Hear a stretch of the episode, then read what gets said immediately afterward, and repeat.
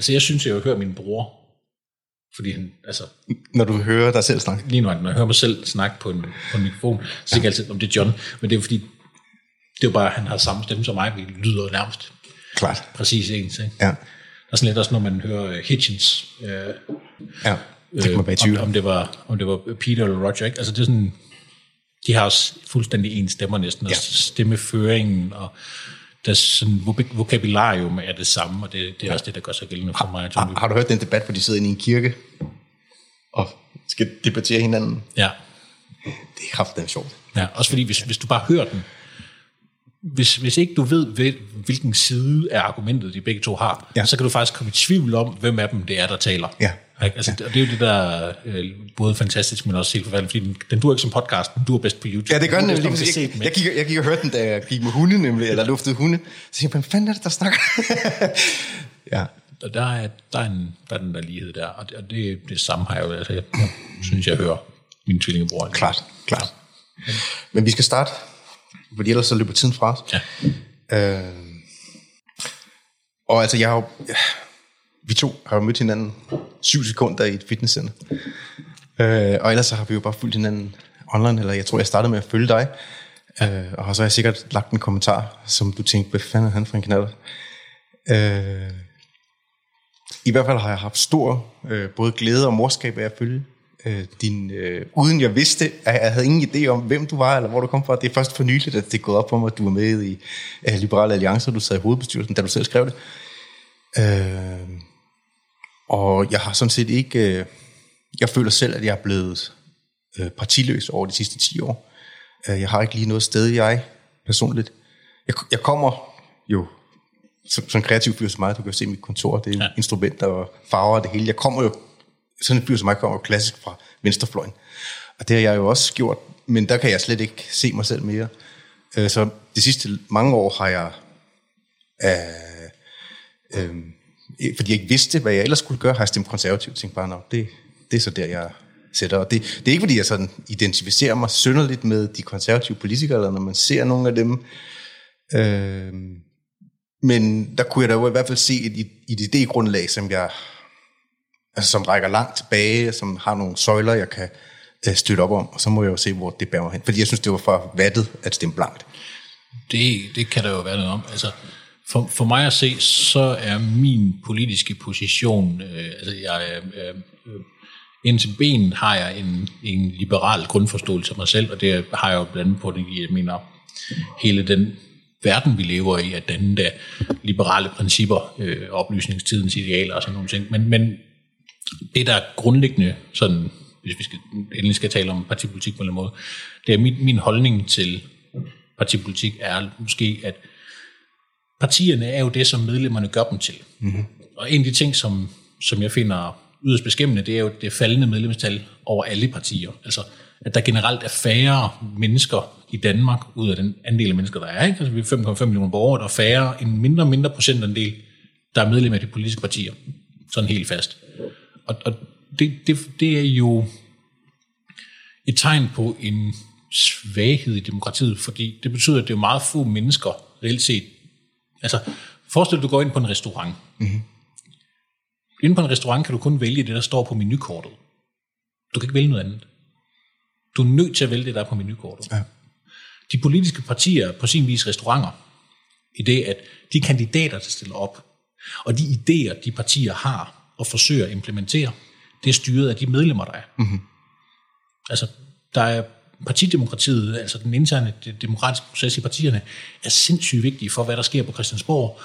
Og, og det forstår folk ikke altid. Altså, det er som om, at de siger, "Jamen, det er jo også lige meget, hvad jeg mener. Nej, det er dig. Meld dig ind i et parti. Ikke? Og så hvis du engagerer dig, du er nogenlunde fornuftig, du arbejder hårdt, så får du magt. Så nemt er det i Danmark. Altså det, jeg havde måske den samme holdning, som egentlig Ja, ja, svagt præsenteret der, at, det hvad nød det, det også. Ja, og jeg synes måske, fordi at en af grundene til, at jeg gik i gang med at lave den her podcast i sin tid, så vi, vi bliver nødt til at spole lidt tilbage, ja. at det er, at jeg- er simpelthen blevet så uendelig træt af, at jeg ikke kan øh, noget sted få lov at se sammenhængende samtaler med folk. Og der er ikke nogen, der, der gider at lave dem, så de gider at lave en 25 minutters måske på tv. Mm. Og der, man har altid fornemmelsen af, at der ligger en eller anden dagsorden af, at de gerne vil trække tæppet væk under en, eller vise en bestemt side eller et eller andet. Øhm, eller også er det debatter, hvor folk står og råber og skriger i munden på hinanden, og man er mindre klog nærmest, når man kommer ud, end, end når man starter. Så i virkeligheden, øh, så lavede jeg det her med, med det afsæt, at øh, jeg, jeg, jeg vil egentlig gerne, og det har jeg altid vil, jeg vil gerne forstå mennesker. Jeg vil gerne forstå synspunkter, fordi på den måde kan jeg selv udvide mit, mit hoved. Så vi bliver nødt til at have en eller anden baggrundsforståelse af, hvor, hvor kommer du fra? Mm. Hvad er det, der er vigtigt for dig? Hvordan er det blevet vigtigt? Hvor er du på vej hen? Øh, hvad, hvad ser du? Øh, hvordan oplever du verden? Fordi hvis bare vi ser Steffen Larsen i, i et 60 sekunders klip, så går der jo alt muligt i gang. Øh, det hvid mand, skæg, øh, han har muskler og alt muligt. Han er sikkert også et forfærdeligt med. Altså, der går alt muligt stereotyp i gang ja. i os, som, som oftest langt oftest ikke overhovedet har noget med virkeligheden at gøre. Det, det er i hvert fald meget dårlige præsentationer af, hvad det er, der foregår med mennesker, man får i medierne. Men er det ikke rigtigt? Jo, det er fuldstændig godt. Altså, jeg, jeg kender jo utrolig mange mennesker, som er, er i medierne, og hvis du så ser, hvad folk skriver inde på Nationen, og nu er Nationen selvfølgelig det, det værste, ikke, men altså selv Berlingskes debatreaktion inde på Facebook og så videre, om, om hinanden og om folk, ikke? Altså, og jeg skal ikke gøre mig for heldig, der jeg har engang mellem også skrevet nogle, nogle, øh, nogle knap så pæne ting om folk, men altså jeg har gjort det ud fra øh, det, de har præsenteret af holdninger oftest. Ja, ja. Jeg, sjældent, jeg har øh, gjort mig meget umage om aldrig at kommentere på folks udseende eller på, hvad deres baggrund er. Jeg kommenterer på, hvad de mener om ting. Og, og der kan jeg så selvfølgelig godt være uenig med folk og skrive relativt hårdt til dem, fordi det er altså... Øh, når folk mener noget, jeg er uenig så får de det at vide. øhm, øh, og, og der er det jo engang med, altså, øh, hvordan man sige det, altså, øhm, det, det er nødvendigt, at man, man, man, man har noget mod en gang imellem på at gøre sådan ting. Fordi det er også det, jeg oplever, når, hvis vi kan vende tilbage til, at der er færre og færre, der er med i de politiske partier, så er det som om, der er måske noget mod, der mangler. Ja. Ikke? Øhm, fordi det er jo nemt nok at stille sig på, på, på ryggen af en hest, der er ved at vinde, ikke? og så, så vinde kampen. Ikke? Altså, det, det, er der ikke, det kræver ikke mod. Øhm, mod kræver, at man først og fremmest er villig til at risikere noget. Mm-hmm. Og det er jo derfor, at, at hvis vi ser sådan nogle af de her bevægelser, der kører lige nu på de sociale medier, hvor alle stiller sig op og klapper og siger, stunning and brave, ej hvor er du bare modig, hvor er det bare godt, ej hvor er det bare godt, du gør det der, hvor er det bare godt, du taler højt. Om det så er øh, nu her med MeToo, eller om det er øh, alle mulige andre ting. Det er sådan en, jamen, der er ikke noget modigt ved at sige noget, som alle mener. Altså, der er jo ikke nogen, der går ind for sexisme og sexchikane på arbejdspladsen. Hvem, hvem går ind for det? Altså, jeg har ikke mødt dem endnu. Jeg har ikke nogen, mødt nogen, der går ud offentligt og siger, at det går de ind for. Jeg går ikke ind for det. Jeg er imod det. Men jeg gider da ikke gå ud og... Altså, der er nogle ting, som er sådan by default, at det, man i et liberalt demokrati kan forvente, at 99% af borgerne nok er imod. Ja, ja, ja. Ikke? Altså, racisme. Ja, for eksempel racisme. Ja. Altså den der med, med, hvis ikke du har postet et sort billede og sagt Black Lives Matter på din sociale medieprofil, så er du nok racist. Altså hele den der implicite tankegang, der ligger i det, ikke? Ja. Ikke? når alle mulige store virksomheder, altså jeg er da ligeglad med, hvad McDonald's mener om Black Lives Matter. Altså, hør, hør, hvis de tager stilling til det, så har jeg jo et problem, fordi der ligger sådan en, den der implicite logik af, at så skal, så skal virksomheder nu tage stilling til alle moralske spørgsmål i samfundet. Så skal de sige, jeg er, hvis de siger, jeg er imod racisme, så skal de også sige, jeg er også imod sexisme. Det skal de også ud eksplicit at sige sig jo, fordi ja. det er det, der nu må være forventningen. Forventningen var før, at de ikke sagde noget, fordi det var bare forventningen, at de var imod det. Jeg er imod hustruvold. Ikke? Jamen, så jeg, jeg er imod pædofili. Hvornår kommer, hvornår kommer øh, ja, McDonald's' ja. kampagne imod pædofili? Ikke? Mm-hmm. De har lige haft en mod racisme, nu har de også have imod pædofili. Ikke? Mm. Er det et rimeligt krav at stille over for dem? Til det mener ikke, det er. Jeg mener ikke, det er et rimeligt krav at stille, de skulle tage en stilling til, til, til, til Black Lives Matter, fordi i deres ansættelse. Hør, har du nogensinde været inde på en McDonald's og ikke oplevet, at det var et multikulturelt øh, sammenrend i det, deres køkken? Det har jeg ikke. Altså, nej, nej, nej. altså, jeg kommer endda ud fra, fra provinsen af oprindeligt. Altså, selv der, øh, hvor... Fortæl os lidt om det. Fortæl os, hvor er det, du kommer fra, så vi, kan, vi kan bedre forstå, hvad, hvor... Ja, altså, jeg kommer oprindeligt fra, fra Kolding, ja. øh, og boede i, i Områ, øh, og så her for et par år siden, så flyttede jeg så til, til Frederiksberg. Øh, og så derfra er vi så flyttet til Lyngby, mig og min hustru, øh, og, og bor deroppe. Vi skulle have noget øh, grønne område omkring os, eller andet. Det, det var selv det, vi kom frem til. Vi skulle have noget mere plads, fordi vi fik nogle børn, og det, det er så lykkedes.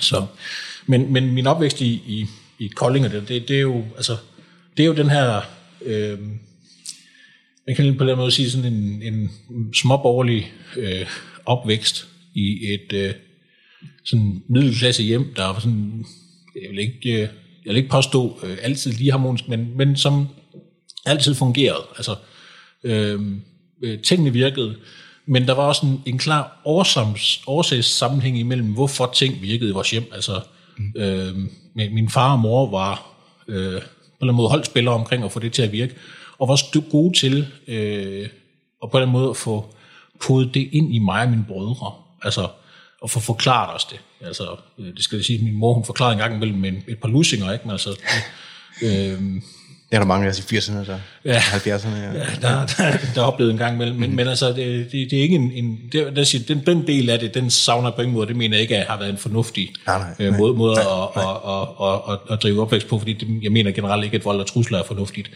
Øh, og min far, han slog, slog os aldrig, det kunne han ikke finde på. Øh, han opdrog på en, på en meget mere anderledes måde, altså end, end min mor reelt set. Og det, der, der var sådan en... Øh, hvis man skal tale feminin, maskulin balance på den måde. Min mor, hun slog i frustration over os tre drenge. Vi var ikke altid lige, lige, lige, lige ordentlige. Det er drenge jo ikke, når de er i, i, i, i, i ungdommen. Ikke? For de kommer ud til, de går i grav. det, det, det, det er måske en, en, en grov generalisering. Altså. Men, men, men der er i hvert fald den her idé om, at altså, vi havde noget krudt i røven, og det kan vi lige vende tilbage til senere. Det, det er der faktisk mange spændende ting at sige om, altså det her med, at unge mænd har, har, har noget energi, de gerne vil have med.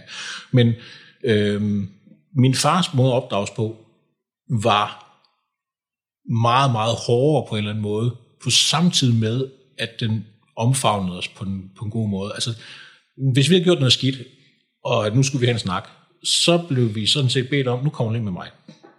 Og så tog vi et alvorsord. Ikke? Og vi sad altid, øh, den ting, jeg tænkte efter år øh, siden, ikke? han sad ikke og så os i øjnene, han sad ikke sådan over for os, han sad ved siden af os.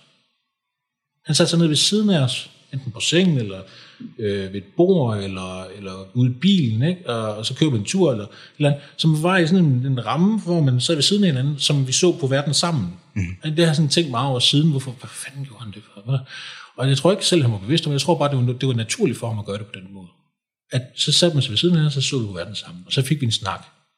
Og så fik vi en åben hjerte ordentlig snak. Og så forklarede han, hvorfor at mor og far er kede af det, som du har gjort. Mm-hmm. Og, og det gjorde altså tusind gange mere ondt på mig at få at vide, hvorfor jeg havde gjort mine forældre ked af det, ja. end få ind på låget. Af alle de lusinger, jeg har fået i mit liv. Ikke? Altså det var, ja, ja. altså det, jeg vil, jeg vil, altså man kan sige på den måde, losingen har jo en meget kort effekt, hvis man skal tale om, om sådan en. Øh, en meget kort effekt, fordi det er sådan en, øh, når nu fik jeg en losing, så er det også dumt, så kan jeg gå min vej, og så kan jeg føle mig selvretfærdig bagefter, ja. selvom det, jeg gjorde, var forkert. Ja, ja. Derfor har en losing ikke nogen opdragende effekt. Enig. Okay? Den har ingen opdragende effekt. Den skaber ingen dannelse. Men en samtale, hvor man ligesom bliver udsat for at skulle tænke, mm-hmm. og det mennesker i dag hader at tænke, har jeg bemærket. Men det at tænke over, hvad man har gjort, og hvilke konsekvenser det har, ikke bare for en selv, men også for andre mennesker. Altså, det, det, er, jo, det er jo derfra, hvor vi har, altså, alle gamle fortællinger og alt muligt der handler om dannelse, de, de handler om det. Det handler om det der med, hvor hårdt det er at sætte sig til at tænke over, hvordan andre mennesker har det. Ikke? Altså, øh, Bibelen starter nærmest med det, ikke? Altså, nu er jeg ikke nogen krist, noget kristen menneske, jeg er øh, benhård ateist, men jeg mener stadig, at man kan finde visdom og forståelse for den menneskelige eksistens i gamle tekster, ikke? Og altså, øh, og så kan man selvfølgelig tale om, at øh, den danske bibel er dårligt oversat en gang imellem, fordi jeg har læst bibelen flere gange end de fleste andre mennesker. Det er ikke, som sagt ikke fordi jeg er kristen eller troende menneske, men fordi jeg har fundet, øh, fundet værdi i fortællingerne. I hvert fald nogle af dem. Der er nogle af dem, der er også helt sorte. Dem kan jeg, lige meget hvor meget jeg prøver, kan jeg ikke få mening ud af dem. Ja. Men, men der er nogle, jeg får, får, får mening ud af. Ja, ja, ja. Øh, der er nok en grund til, at den er overlevet i 2.000 år, eller, eller måske... måske formodentligvis 5-6.000 år, ikke? Ja, altså, hvis vi kigger ja, på, tilbage på det gamle ja, testament, og Toran, og, ja. og, og, og, hvis man tager de historier, som man kan finde på uh, sumeriske tavler og alt muligt ja, andet, så, ja, så er det jo væsentligt ældre, end at der... Det er svært at forestille sig i hvert fald, at den er blevet holdt i live ja. tilfældigt. Nej, lige nuagtigt. Ja. Men, men, men der er jo for eksempel øh, fortællingen om øh, Adam og Eva, ikke? det er jo sådan en dannelsesfortælling faktisk, fordi den handler jo om, øh, at... Øh, de her mennesker her, de, de gør nogle ting, øh, de forbryder sig mod nogle regler og love, og så bliver de sårbare. Okay? De må ikke spise æblet på det, på det træ. Og træet hedder jo ikke Øh, I den danske udgave hedder det jo Kundskabens træk. Mm-hmm. Det er den danske oversættelse. Den synes jeg er forfærdelig, fordi det er ikke det, den, hvis man læser øh, direkte oversættelser fra det oldgræske, eller hvis man læser King James Bibelen, øh, så, så er det jo øh, øh, sådan, at, at det, der står, det er, at det er viden om godt og ondt. Træet om viden om godt og ondt. Og det giver sådan en... Fordi det er jo det, det, er jo det som, som man bliver tvunget til at tænke over, når man skal tænke over, hvad man har gjort forkert. Mm. Ikke? Så bliver man tvunget til at tænke over, at det, man gjorde, det var ondt. Ikke? Og, og det, de spiser, det æble. Der sker jo det her med de her øh, Adam og Eva-figurerne, at de bliver nøgne, det er det første, de finder ud af. Og nøgne, det er jo bare et andet ord for sårbare. De bliver sårbare, og de bliver sårbare over for verden. De bliver, og det man ved, man er sårbar. Ikke? Altså det, hvis jeg finder ud af, at det går ondt at prikke mig selv i øjet, så ved jeg også, at det går ondt at prikke dig i øjet. Ikke? Og det er så min viden om ondt. Jeg kan vide, at nu jeg kan gøre ondt. Men jeg ved også, at det, det er rart at få et kram. Jeg ved, at det er rart at sidde ved, ved ilden og få et tæppe om mig og, og hygge mig. Det ved jeg, det er godt og rart. Det ved jeg også, at det er godt og rart for dig. Ja. Ikke? Så det samme, at vi er sårbare over for naturen og elementerne, og vi ved, at vi er det, og vi er sårbare over for os selv, så er vi også sårbare over for andre, men andre er også sårbare over for os. Og det er den viden, det er et viden om godt og ondt. Ikke? Og, og det er det, man udsættes for, når ens far han fortæller en, det du gjorde der, Steffen, det sårede din mor virkelig meget. Mm. Og mig, jeg blev så ked af det. Hvordan, hvad, altså, hvordan, hvad tænkte du på? Hvordan kunne du finde på det? Og så sidder jeg jo der, og den dårlige samvittighed emmer op i en, og man øh, har det hårdt, fordi det, man gjorde, det finder man jo ud af, hvor, hvor, hvor modbydeligt det var mod ens egen familie. Det, der, det er der jo ikke nogen, der kan lide, og det, der er jo, det er jo en uen, uendelig tristisse, eller ja. tristisse, man, man bevæger sig ind i, og det, det, det, det skal man... Øh, det skal man virkelig være forhærdet for ikke at, at, at, at, at få, få en, en dannelsesoplevelse ud af, vil jeg sige. Ja. Og, og når man så har oplevet det et par gange, at man bliver tvunget til at tænke over tingene, fordi det er jo det, der skal ske. Altså man bliver ikke tvunget, fordi der, der er ingen tvang, fordi du kan ikke tvinge andre mennesker til at tænke. Men man skal tænke over tingene. Og det er ikke sjovt at tænke. Altså, det er det, jeg sagde tidligere med, at det er ikke sjovt at tænke. Altså, jeg, nu underviser jeg til dagligt. Og mine elever, de kan ikke lide at tænke over de ting, de ikke kan. De vil kun tænke, altså hvis du giver en elev en opgave, du skal løse det her, så hans mål er altid, om det er bevidst eller ubevidst, at finde den letteste vej til at løse sin opgave, hvor han kan gøre brug af ting, han i forvejen ved.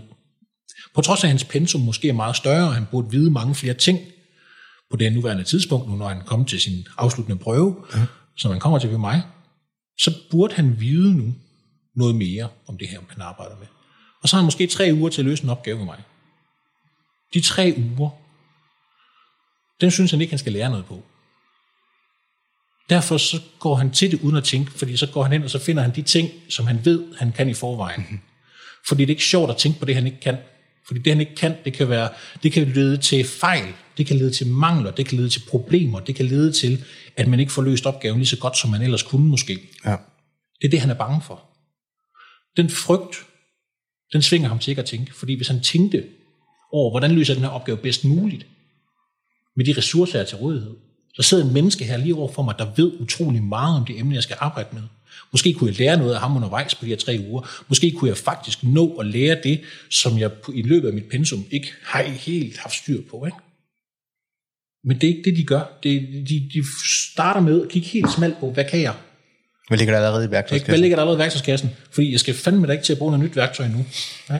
Og jo, du skal Det, det, det, det er jo det, de skal, fordi de skal jo benytte sig af deres pensum. De skal jo udfolde deres viden, og de skal vise, at de, de faktisk evner at være, øh, nu bruger jeg et ord, som tit og ofte bruges på en buzzword, men de evner at være innovative, men på en, på en god, fornuftig måde. Mm. Ja? Fordi det er det, der sker, når du står for et problem, og du skal navigere dig igennem det problem.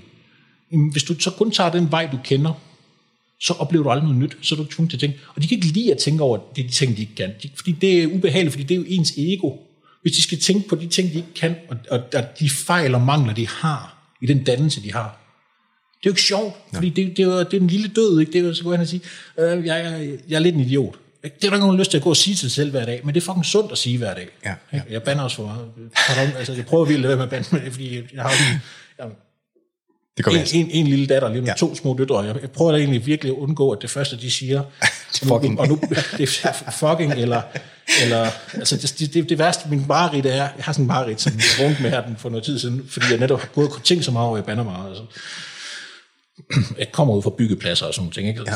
Der er en meget, Kontantsprog. meget kontant sprog. Ikke? Ja. Øhm, altså, jeg har haft sådan en mareridt om, at min datter, hun en dag sagde kont over i vuggestuen. altså, og det er virkelig, det er sådan tilbagevendende, ikke? Sådan, altså, og det var, der var sådan en med, altså nærmest de sociale myndigheder, og alt muligt blev involveret, og det er sådan, det er en virkelig dårlig drøm, jeg havde, ikke? Men sådan mareridt, ikke? Og sådan, Altså, jeg kunne ikke vågne ud af det der, altså, det, det var forfærdeligt. Ikke? Altså, og, jeg sådan, og det er alt sammen fordi, at, jeg gik og sagde grimme ting. Ikke? Altså, og det er fordi, jeg har tænkt så meget over, at jeg gerne vil sørge for, at mine børn får et bedre sprog, end jeg har. Ikke? Klar, altså, klar. Der, er det, jeg, jeg har også synes på min egen barndom, noget af det første, mig og mine brødre, vi lærte, det var bandeord. Ikke? Og det var, min far, han har også haft et meget kontant sprog, ikke? og jeg har et meget kontant sprog, hvis man skal sige det pænt. Ikke? Altså, jeg har, et ekstremt vokabularium, når det kommer til bandeord. Det, Da jeg var, da jeg var fire år, der er jeg ude at gå som mine forældre. Øh, vi er nede på, jeg kan ikke huske, jeg kan ikke lige huske huske hvad slottet der, men jeg, øh, og jeg var altså vokset op i et, i, et, i et ret rødt hjem. Min far har hjulpet fagbevægelsen hele sit liv, så af, af et godt hjerte, han vil gerne beskytte den lille mand mod at blive udnyttet. Øh, han er journalist øh, og har haft sit eget bureau. Øh, jamen, der er vi ude at gå, og det er jo så, hvornår det har været, det er nok 78 eller sådan et eller andet, der er vi ude at gå ved det her slot, og så går, og han har, han, jeg, jeg, jeg er jo ikke bevidst om det, men jeg, han har, jeg har bare lyttet til ham hjemme foran fjernsyn. Mm. Og så går vi ned af et eller andet sti, og så går vi forbi Erhard Jacobsen. Og vi er lige trådt, altså han har fortalt mig det senere, jeg kan ikke huske det, men vi er trådt fire skridt forbi ham. Så, så, råber, så råber jeg bare til mig bare, far, far, det var ham klaphatten. jeg har ikke noget mod, Erhard Jacobsen, når min far har sagt et eller andet, du ved. Ja, ja børn. Ja. Og, og det er jo ikke bare ord for råd, vi overtager jo også vores forældres meninger og holdninger, og, og så videre, og så videre. På, på nogle områder gør ja, ja, ja, ja. I hvert fald til en start for, for det ofte, indtil vi bliver teenager. Det bliver du vel også på et tidspunkt. Du har en tvillingebror. Jeg har en ja, tvillingbror. Ja. Ja, ja. Så hvis man sidder og ser det her og tænker, at det er da John Larsen. Nej, det er Steffen Larsen. Det er, det, det, der, der, er, der er en, en, en vis... Uh, vis Han er også skæg, og Ja, ja, ja, han, I ligner hinanden på en dråbe vand, eller? Godt. Han er, han er, han er ved at lige prøve at blive langhåret. Øh, Okay. sådan lidt, øh, sådan lidt sideshow bogbaklet lige nu. Vi har, vi har mange krøller, så... Ja, okay. Men, øh, ja. Jeg skulle også lige nå det, jeg er 46 i dag, men jeg nåede til lige der i slutningen af 40'erne, der havde jeg hår hele vejen ned til midt på ryggen. Hold op. Til stor forarvelse for mine venner. Ja. Ja. Så, jamen altså sådan lidt. Men han, øh, han går og bliver langhåret lige nu. Det er jo det er selvfølgelig en, en, en bedrift i, i, i min familie, tror jeg. Det, det, er- det, er der, det er der ikke nogen af mine andre mandlige familiemedlemmer, der nogensinde har været, tror jeg. Er rigtigt. Min far har noget, noget papkassehår i 70'erne. Kan man se fra de gamle familiebilleder, men øh, det, det er også det. Så. Men Kolding, og så blev du teenager derovre. Ja, mm. det, øh, det tror jeg godt, man kan sige. Øh, og øh, gik i byen og blev en del af natlivet. Altså, jeg begyndte at arbejde som, som dørmand, og jeg var booker for nogle koncerter og sådan noget på et lokalt spillested, der hed Pitstop, og brugte generelt øh, øh, utrolig mange timer på at enten gå i byen eller være i byen som dørmand. Og jeg havde en periode der i min start 20'er, der drak jeg ikke. Jeg gik jeg meget i min, min boksetræning og Det er der, din størrelse kommer fra, bare, eller? Ja, altså det er jo... Det tror jeg, det også handler om, om genetik, hvis jeg skal være ærlig nu. For jeg ved godt, der er nogle mennesker derude, der ikke abonnerer, abonnerer på, at biologi findes, men altså det, det, det, Det gør ikke. Det, gør det ser ud som om, det gør, ja. det, det gør det rimelig meget, vil jeg sige. Altså der, der, der fik jeg lige pludselig, øh, øh, der i start 20'erne, lige pludselig drøn på kroppen, øh, og det var så også altså, både boksetræning, men også hårdt fysisk arbejde. Jeg rendte arbejde på byggepladser, og øh, løb op og ned ad trapper hele tiden. Altså, jeg, jeg, en af mine øh, bedste perioder med træning og sådan fysisk form, det var, øh, hvor jeg øh, rendte renoveret Norgesvej. Øh, der skulle renoveres køkkener og badeværelser øh, jo Norgesvej i Kolding er sådan en masse andels, øh, eller sådan nogle større øh, hvad er det, lejlighedskomplekser. Øh, og så rendte vi jo så op og ned ad trapper der, det var øh, Arbejdernes Andelsboligforening, der ejede det. Og så rendte vi op og ned ad de der trapper der, øh, og der var ikke, øh, der var ikke nogen, øh, nogle af de senere byggepladser, der kom på, der var der lavet sådan nogle, øh, hvad det, vareelevatorer, som, øh, som var, man, man bare placeret i sådan en opgang, og så kunne de lige køre nogle varer op for en. Det var der ikke i den her, så det var rillefræser og støvsuger op på ryggen, ikke? og så op og så rive sådan seks køkkener ned på en, øh, på en mandag, ikke? og så om tirsdagen, så, hvad hedder det, øh, bankede man rillerne ud og bare murbrokkerne ned, ikke? og så øh, klinker og fliser blev også slået af væggene og sådan noget. Det, der havde vi en aftale med murerne om, at vi bankede klinkerne af, de gamle klinker af. Men så lukkede de vores riller, så de bare cementen op, men vi så bare vi deres klinker ned, eller de gamle klinker af på de her badeværelser ned. Og så havde vi komfur og, og m og alt sådan noget, der skulle bæres ned. Og det gjorde vi jo bare fysisk. Det var jo bare op og ned ad trapperne. Der løb jeg jo bare øh, fuld, fuld drøn, der er sådan en øh, mandag tirsdag stykker der, ikke? og så når vi kom til onsdag, så var, havde vi sat dåser og trukket kabler. Øh, altså torsdag, så, så var øh, installationen så ved at være, være nogenlunde på plads, og så fredag der ordnede vi nogle små ting og lavede målerrammerne nede i kælderen om, og, og satte nye måler op. Og så, så var det ligesom ja, den første uge gået, ikke? altså næste uge, der, var man, der gik jeg så bare videre til næste opgang og gjorde det samme, løb op og ned ad trapper, der er sådan en hel, hel uge der med, med tunge ting i hænderne hele tiden, altså, øhm, og det skulle bare gå hurtigt, det var på en akkord, og det, det, det, det kørte sgu meget godt, ikke? altså, øhm, øh, og så samtidig, så hver dag, når klokken så var 17, da jeg skulle til at få arbejde, så kørte jeg på, på cyklen ned til bokseklubben, og så boksede jeg i to timer. Og så, så var jeg skulle lige pludselig i rigtig god form dengang. Det, det var som om, at det der med at træne, og, og så, jeg spiste jo ufattelig mængder mad også. Altså, ja. det var, øh, jeg blev ikke tyk, det var sådan helt mærkeligt. Altså, det, det, det, Nej, det... Jeg, sige, jeg, jeg, jeg har taget, taget en del på siden, ja. øh, hvor jeg tilstod, der kom lidt øh, farmave, hedder det, man også, øh, når man får børn. Men altså, der var, der var, øh, der var bare knald på, og der skulle ske noget hele tiden. Øh, og, øh, blev du, er du uddannet elektriker inden der, eller blev du det efter? Eller? Ja, det, det er, altså, jeg blev uddannet elektriker, der er, er uh, nu skal jeg tænke mig om, jeg må være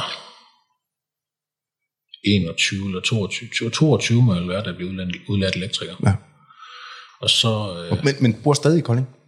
Jeg bor stadig i Kolding, ja, ja, ja, ja, ja. Jeg bor, bor i Kolding, indtil jeg er 29 eller 30, så flytter jeg til Åben Rå i et par år. Øh, jeg driver virksomhed dernede fra os. Og så, øh, så rykker jeg så til Frederiksberg. Også selvom min virksomhed rykker til Frederiksberg, og det er løbet ind i, i min øh, nu hustru, Louise, og det, det, det, det var værd at bygge på, ja, ja. Øh, synes jeg. Og det øh, har jeg jo ikke fortrudt i to sekunder siden, så det... Ja. Og I har børn sammen nu også? Og vi har børn, ja. ja. Så det, det er dejligt. Så op i Lyngby, og rækkehus ja, så I, I flyttede fra Frederiksberg ja, til Lyngby? til Lyngby. Nå, fedt. Øh, der, der begynder at komme sammen, der bor hun faktisk på et, øh, eller et, i sådan et øh, kollektiv, eller hvad man skal kalde det. De bor fire piger sammen i en uh, lejlighed på 5. sal nede på Martensens Allé.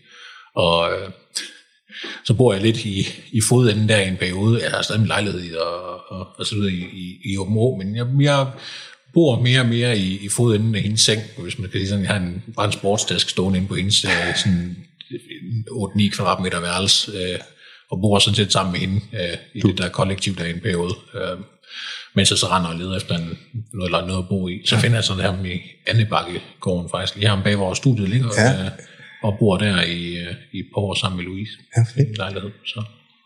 Det er dejligt kvarter lige her. Ja, det er ja, rigtig lækkert. Ja, ja, ja, Så, så det er Nå, fedt. Hvad, hvad, og med den virksomhed, du laver en virksomhed ja. i Kolding? Og så tager du med den til Frederiksberg? Ja, øh, nej, den tager jeg ikke med. Den, den sælger jeg, øh, da jeg flytter fra Åben der, der sælger jeg øh, den virksomhed, jeg, der. jeg var selvstændig installatør ja. en periode der. Øh, øh, og banket noget op selv og, og, og købte mig så også til noget. Øh, og så, øh, ja, så sælger jeg det til en fornuftig pris. Fornuftig pris til en ja. kongolega, ikke? Og, ja. og øh, komme ud af det med, med skin på næsen, som man siger. Og så så, øh, så ja, så, så i den periode, det er også der, altså, det er mærkeligt, jeg har en dannelsesrejse der omkring, hvor jeg er uddannet elektriker og bliver installatør, hvor, hvor jeg, sådan, jeg, jeg er en utrolig bitter og vred mand som ung, øh, ung mand, fordi jeg, jeg, jeg har sådan en øh, følelse dengang af, at der er en masse uretfærdighed omkring mig, omkring de ting, jeg, jeg giver mig ud i, og den, den måde, verden er indrettet på, der er en masse ting, der ikke fungerer for mig. Hvor gammel er du der? Der er i start 20'erne. Ja. Øh, og øh, jeg, jeg, jeg, der er også noget, VKO-regeringen irriterer mig grænseløst på et tidspunkt. Det er som om, hver gang der kommer en forside i Ekstrabladet, så kommer der et forbud en uge efter. Ikke? Så allerede på det tidspunkt, der er du sådan politisk og... Jamen, jeg, jeg aner ikke, hvor jeg står henne. Nej, altså, nej. jeg, øh, øh, jeg, jeg, jeg, jeg er ude i en øh, masse ekstremer i min, min tankegang også, og jeg, jeg er meget...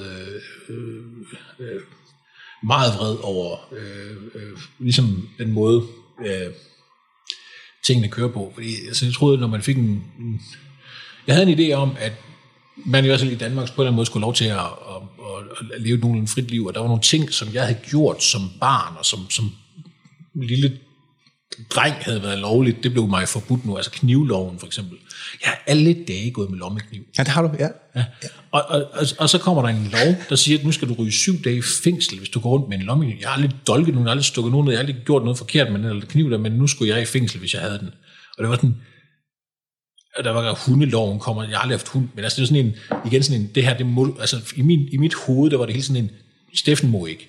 Mm. Altså, altså, og jeg har sådan en, så vil jeg gerne have en god forklaring på, hvor fanden jeg ikke må det. Nå, men det er fordi, der er nogen, der ikke kan finde ud af det. Ja. Men det er så uretfærdigt. Altså det, i min verden, så er det uretfærdigt, fordi jamen, så må du vel stoppe nogen i at gøre det, men vi skal ikke stoppe alle. Ikke? Du skal ikke, hvorfor, hvorfor, hvorfor, altså den her kollektive afstraffelse har altid været meget imod, fordi den, den har aldrig gjort noget godt for, for noget. Altså det eneste, den, den skaber i, i befolkningen, eller i mennesker generelt, mener jeg, er modstand. Det er det, det hvad den skaber i mig, og så spejler jeg det måske ud, og jeg projektiserer det måske ud på andre, og det skulle jeg måske ikke gøre.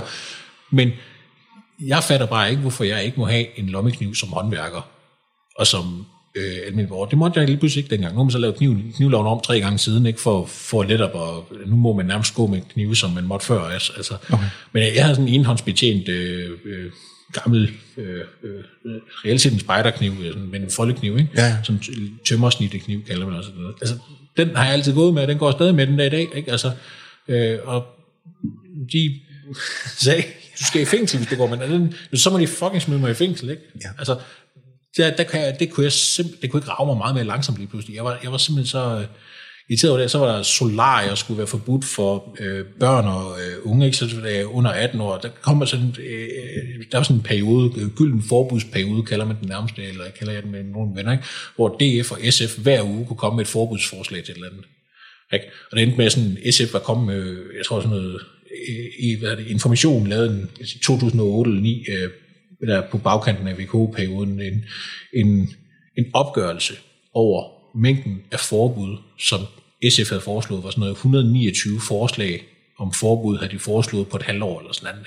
Det er sådan helt vulgært, hvor mange ting, der de havde foreslået. Det var sådan noget alt muligt fra øh, typer af sæbe skulle forbydes, og øh, pesticider og alt muligt. Altså, det, er- det er fint nok, måske man skal kigge på noget øh, ting til landbrug og alt muligt andet. Men øh, bare sådan den rå mængde af forbud, der blev foreslået fra Christiansborg i den periode, var jo fuldstændig håbløs i min verden. Og det, og det gjorde, at jeg fandt ud af, måske, fordi så så jeg sådan nogen som øh, Ole Birk Olesen i, på DR2 sidde og harcelere over alle de her forbud her også. Og, sådan noget. og dengang fandtes Liberale Alliance ikke endnu. Nej, okay. Men der var bare de her, der var nogle kulturpersonligheder, som ligesom sad og sagde, det her det er for dårligt. Ikke? Det her det dur ikke. Der var nogle redaktører, nogle, altså, men der var ikke nogen politikere. Det var det, der ligesom pissede mig af, fordi Venstre, som burde være liberale på det tidspunkt, de, de gjorde ikke noget. Og det var så derfor, derfor jeg ligesom fandt mig til ret i Liberale Alliance, det blev oprettet. Ja. Så du været med i, i Liberale Alliance lige fra starten? Øh, Jeg var ikke med i en ny alliance jo. Nej, okay. Jeg var- Nej, jeg- jeg- da det ligesom var blevet omdannet ja. til Liberal Alliance, ikke? Så, så kom Ole Birk ud og sagde, "Ved du, jeg har meldt mig ind i det her. Øh, og, og det var dengang Facebook var helt nyt. Øh, Ja. Det helt nyt medie. øh, øh, så, sociale medier var, en- var en ny ting, ikke? Altså, øh, Hvornår startede Liberale Alliance? Jamen det er 2010. 2010, okay. der bliver det omdannet til Liberal Alliance fra okay. Ny Alliance. Ikke? Øhm, og, og der melder jeg mig sådan set ind, øh, lige efter Ole Birk, han har sagt, øh, jeg, jeg går ind og støtter op om det her nu. Er der nogen, der vil med? Så siger jeg, jeg har set ham forsvare reelt set det, som jeg, og, og, der er nogle principper i det der, fordi det er noget af det, jeg tænkte over meget dengang, med det her med dannelse. Og med, jeg tænkte ikke over det som dannelse dengang, men jeg tænkte over det siden. Hvorfor mente du dog de ting, du mente dengang, Steffen? Fordi jeg var måske ikke helt klar over, jeg har ikke tænkt over baggrunden for nogle af de ting. Altså, der var jeg bare irriteret over det. Mm. Jeg var vred over, at man sagde forbudt for Steffen. Og så senere har jeg så tænkt over det, man kan jo selvfølgelig kalde det for en efterrationalisering, ikke? men hvorfor er det, at der nu ligger nogle fornuftige ting i det der med, at folk gerne må noget, som ikke altid er fornuftigt? Det er fordi, det at kunne afprøve ufornuftige ting, er almen dannende i min verden. Mm. Øhm, lad os tage, at Sig det lige en gang til. jamen, det at kunne gøre nogle på selv papiret ufornuftige ting, mm. kan være almen dannende. Ja. Fordi man lærer af det. Altså, øh, så kan det godt være, at vi har en dårlig spirituskultur i Danmark eller et eller andet, og det kan jeg måske godt give ret i, at unge mennesker drikker for meget eller andet. Mm. Nu har jeg jo selv stået i døren, og jeg har jo set, hvor mange mennesker, der kaster op på sådan en god aften på et dansk diskotek. Ikke? Ja. Øh, så altså, øh, enhver person, der sender sig selv til øh, ufrivillig egenudpumpning, øh, ved at gå ud og knække sig op af, af, af døren på et diskotek, det er, det er jo mennesker, der drukker for meget. Og der, der kan jo godt være en 5-10 stykker i løbet af en aften, hvis du har 150 mennesker i den. Ikke? Mm. Så, så det med rundt, så vil jeg da sige, okay, der, der ligger måske et element der, der har en vis sandhed i sig. Mm. Fair nok. Mm. Men er det årsagen til, at vi skal lave et forbud? Ikke? Fordi hvad sker der med forbuddet? Altså, hver gang vi forbyder noget, det er også det, hvis vi nu tager fat, nu nævnte det der forbud mod solarie før, ikke? hvor unge, unge mennesker ikke må gå i solarie. Mm. Det var jo noget, SF foreslog dengang, at hvis du var under 18, så må du ikke gå i solarie. Okay. Ikke? Men hvad gør det ved befolkningen?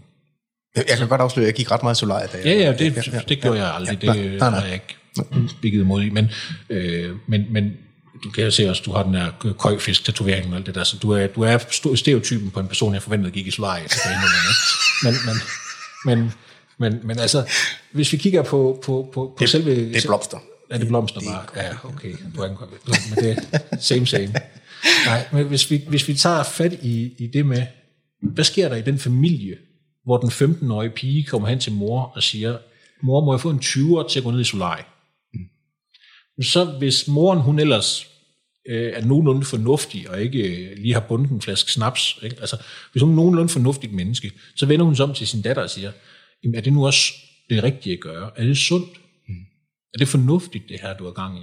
Du er 15 år gammel, altså du kan få hudkræft, og alt der kan være følger senere i dit liv af det her. Jeg ved godt, ungdommens øh, ja. irrationalitet og alt det, der ja, spiller ja, ja, ja, ja. Men at man har den samtale, det er en dannende samtale, man har hjemmet, mm. hvor man taler om for og imod for at gøre en ting, som i hvert fald måske har negative konsekvenser på den lange bane. Ligesom rygning og druk og ja. øh, det at tage et kørekort og alle mulige andre ting kan medføre negative konsekvenser. Alle valg, vi foretager, skal medføre negative konsekvenser. Det bør vi tage en snak med. Altså det tager, alle fornuftige forældre tager en snak med deres børn om de negative konsekvenser af at gøre noget. Ja. De tager også en snak om de positive konsekvenser. Ej, det her det vil være rigtig godt for dig, hvis du nu gennemfører den her uddannelse, så kan det jo blive til noget. Mm-hmm. Ikke? Det kunne også være, jamen, hvis du nu øh, gør sådan og sådan, så øh, øh, kan det godt være dårligt, det du er gang i. Ja. Tror, altså, du, tror du, man indfører det for at øh, beskytte dem, som så ikke har forældre, der kan Ja, det tror jeg, det, det, ja, det, det, det, det, det, det, det, ja. er nok intentionen. Ja. Men altså, dem, der ikke har forældre til det, hvis vi ellers tror på, at velfærdsstaten den virkelig kan tage sig af folk fra, fra vugge til grav, så bør den jo ikke gøre det via forbud. Generelle forbud mod al, at alle, fordi det den, det, den gør der, det er, at den skader den generelle dannelse, fordi der, den der dannelse samtale, nu blev den til, når danneren så kommer hen og spørger moren, hey mor, må jeg godt få en tur til at gå i solar? Så siger, vender moren så bare og siger, nej, det er ulovligt. Du er under 18. Det er ulovligt. Du kan komme tilbage, når du er 18 så kan du tjene også dine egne penge til den tid, så er der ikke nogen, der kan styre dig. Og det er sådan, der er sådan en klassisk fortælling sådan, fra psykologien omkring øh, børn og slik. Hvis børn har adgang til slik i deres barndom, mm. så når de bliver voksne, spiser de ikke særlig meget slik. Mm. Det har jeg godt med min knægt. Ja. ja. Men hvis, hvis børn ikke må få slik, når de er børn, så når de bliver voksne har deres egen penge, så går de fucking apeshit. Mm-hmm. Altså så springer de bare ud, og så tager de alt det slik, de overhovedet kan, og de, de eksperimenterer med muligt. Og det er den der med, jamen, hør, hvis du forhindrer mennesker i at prøve ting af, mens de er børn og unge, så får du jo bare mennesker, som går fuldstændig, øh, ja. altså, som ikke har den dannelse, og ikke har de, de har ikke prøvet at tænke de tanker, og det er igen det der med, folk kan ikke lide at tænke, altså, det gør ondt at tænke over ens fejl og mangler, og det synes jeg derfor, det, jeg synes jeg, det er skide vigtigt at gøre det, fordi øh, ligesom når man træner sine muskler, mm. så træner man også sin hjerne, man træner sin bevidsthed ved at tænke de tanker omkring, hvor man er svag. Og det samme, når, vi, når du, hvis man går ned og træner i træningscenteret, så træner også de muskelgrupper, du, du, du føler, at du har brug for at træne, der, hvor du føler dig svagest, eller hvor du føler, at du gerne vil være stærkere. Mm. Det samme gør man, når man tænker. Og det er det der med, at, at, at og når jeg siger tænker, så er det ikke bare den der overfladiske øh, kan vide, om jeg vil have lever på steg på min mellemmad i dag. Altså, det, det, det er den dybe tanke omkring, hvor står jeg selv, og hvad kan jeg gøre for at forbedre min situation? Okay? Og så faktisk tænke over det alvorligt. Altså, og, og det ser jeg bare så mange mennesker, der ikke øh, engagerer deres tid i. Altså, de, de, de er meget optaget af at undgå det. Og det, jeg forstår dem godt, fordi det gør ondt. Altså ligesom det gør ondt i, i, i musklerne og, og træning, så gør det også ondt at blive, blive mere selvbevidst omkring ens valg og ens øh, muligheder. Og det, men det er jo det, der mangler en gang imellem. Det er jo folk, de tager de valg. Og, jeg, og så kan man selvfølgelig sige, jamen Steffen, fordi du vil rulle staten lidt tilbage og sørge for, at nogle af de her forbud forsvinder og sådan nogle ting, er det så ikke bare, fordi du vil forsøge at tvinge folk til at tænke? Nej, jeg kan jo ikke tvinge dem til at tænke. Men så kommer det også til at stå nogle situationer, hvor de er nødt til at tænke, hvis ellers de vil klare sig godt i den situation. Ja. Det tror jeg, det er, det er bedre for den samlede befolkningsmasse, at man er nødt til at tænke over tingene, end, end det, vi laver et samfund, hvor ingen er nødt til at tænke over den almindelige dannende situation, og, og, hvad der sker i vores liv. Altså, det, det, det er vi sgu bare nødt til. Ja. Så du finder et, øh, et meningsfællesskab i det liberale alliance med andre, altså som du som ser verden lige sådan, eller? Det, altså, det, det, det, det, det, det gør, det gør jeg ja. faktisk med, med en del, altså der er alle mulige årsager til at melde sig ind i liberale alliance. Der er nogen, der bare er træt af skat. Der er nogen, der bare er træt af forbud. Der er nogen, der er træt af byråkrati. Ikke? Altså, jeg mødte jo selv, som, som lille selvstændig, mødte jeg jo bjerge af byråkrati og øh, rapporter, jeg skulle fylde. Og så kom der en undersøgelse fra Dansk Danmarks Statistik, som jeg ikke måtte undlade at svare på. Hvis jeg ikke fik svaret på den inden for en eller anden dato, så ville de sende en bøde til mig på 10.000 kroner. Alle sådan ting der, som, altså, jamen, ja, jeg prøver at hjælpe mine kunder og drive min forretning og lave alle de ting, jeg er god til, og så kommer der sådan en eller anden ind ad døren, og jeg siger, du skal lige bruge en time på det her. Hvad har det med min forretning at Ikke noget, men der er nogen i Erhvervsministeriet, der gerne vil vide det her om din virksomhed. Så jamen, nå, okay, er det ikke nok, jeg laver mit regnskab og alle de her ting? Nej, nej, nej, du skal også lige skrive det her. Ikke? Mm. Og så er der sådan en, øh, jeg skulle skrive sådan en waiver på et tidspunkt omkring, øh, øh, altså, jeg kan ikke huske, hvad det var, men det var lidt mere om kønsdiversitet i min bestyrelse og sådan noget. Altså, for en lille selvstændig der var sådan noget med, at jeg skulle skrive, om, om, det var, om det galt for min virksomhed eller ej, på grund af min omsætning. Så skulle jeg skrive ind til dem, om jeg havde omsætning til eller ej til at være en del af det der. Sådan noget. Altså, alle sådan nogle mærkelige ting der, ikke? Altså, jamen, der var ikke nogen kønsdiversitet ja, i elbranchen. Altså 99,9 procent af dem, der er uddannet øh, inden for elbranchen, det, det er mænd. Altså, det er også for dårligt. Ja, det er for dårligt. Ikke? Hvor, hvor, er, hvor er kvinden? Altså, vi har faktisk gjort en, altså, i den branche har man gjort en intensiv indsats igennem de sidste 10 år i hvert fald, på at få flere kvinder ind i branchen. Fordi der generelt bare mangler folk i den branche. Mm. Altså, der er ikke nok uddannede elektrikere, der er ikke nok uddannede ingeniører, der er ikke nok uddannede ingeniører. Altså er helt generelt i Helt generelt i elbranchen ja, ja. mangler der bare folk i elbranchen. Ja. Vi har ikke kapacitet, altså der er, der er ikke kapacitet til at udføre de projekter, der er. Okay. Ja, så der mangler. Det er sådan, okay, det er ligesom definitionen på mangel. Det er, når, når der er noget, der ikke kan blive udført, fordi man mangler det, man skal det gøre det. Ikke? Ja. Så, så så den vej rundt, så, så står vi sådan, okay, men så skal vi prøve at finde flere. Så kan vi prøve at se, om der er nogle kvinder, der så har man gjort en intensiv indsats fra branchen for at forsøge at få det igennem. Ikke? Og det, det blev fandt jo bare for døve øre, fordi politikerne havde jo travlt med at sige, at vi skal den bedst uddannede generation. Det kan jeg huske, Kjell thorning hun stod op på Folketingets talerstol der og sagde, at vi skal have den bedst uddannede generation nogensinde, og det er vigtigt, at man kan sin Pythagoras, alt muligt. Så skete der selvfølgelig det der med, at der var en journalist bagefter øh, pressemødet, eller til pressemødet lige bagefter, der så spurgte hende, øh, hvad er Pythagoras' læresætning? Og så kunne hun jo ikke svare. Altså sådan, altså, for det, altså, A plus B lige med C Altså, det, den er ikke længere, den, ikke, den, den, den skal man bare kunne, altså hvis man har gået i folkeskolen i Danmark, så burde man jo kunne den, ikke? men det er det, man så oplever, det, det kan folk ikke. Altså. Nå, men tilbage til det, ikke? Altså, den bedst uddannede generation, hvad er det? Jamen, det var så ifølge Socialdemokratiet på det tidspunkt, det var så den generation, hvor der var flest mulige mennesker, der havde fået sig en studenterhue.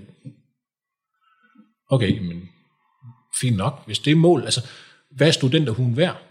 Altså, det er jo mit, det er mit næste spørgsmål. Hvad skal du med dit liv herfra? Altså, jeg mener altid, viden og dannelse er altid godt.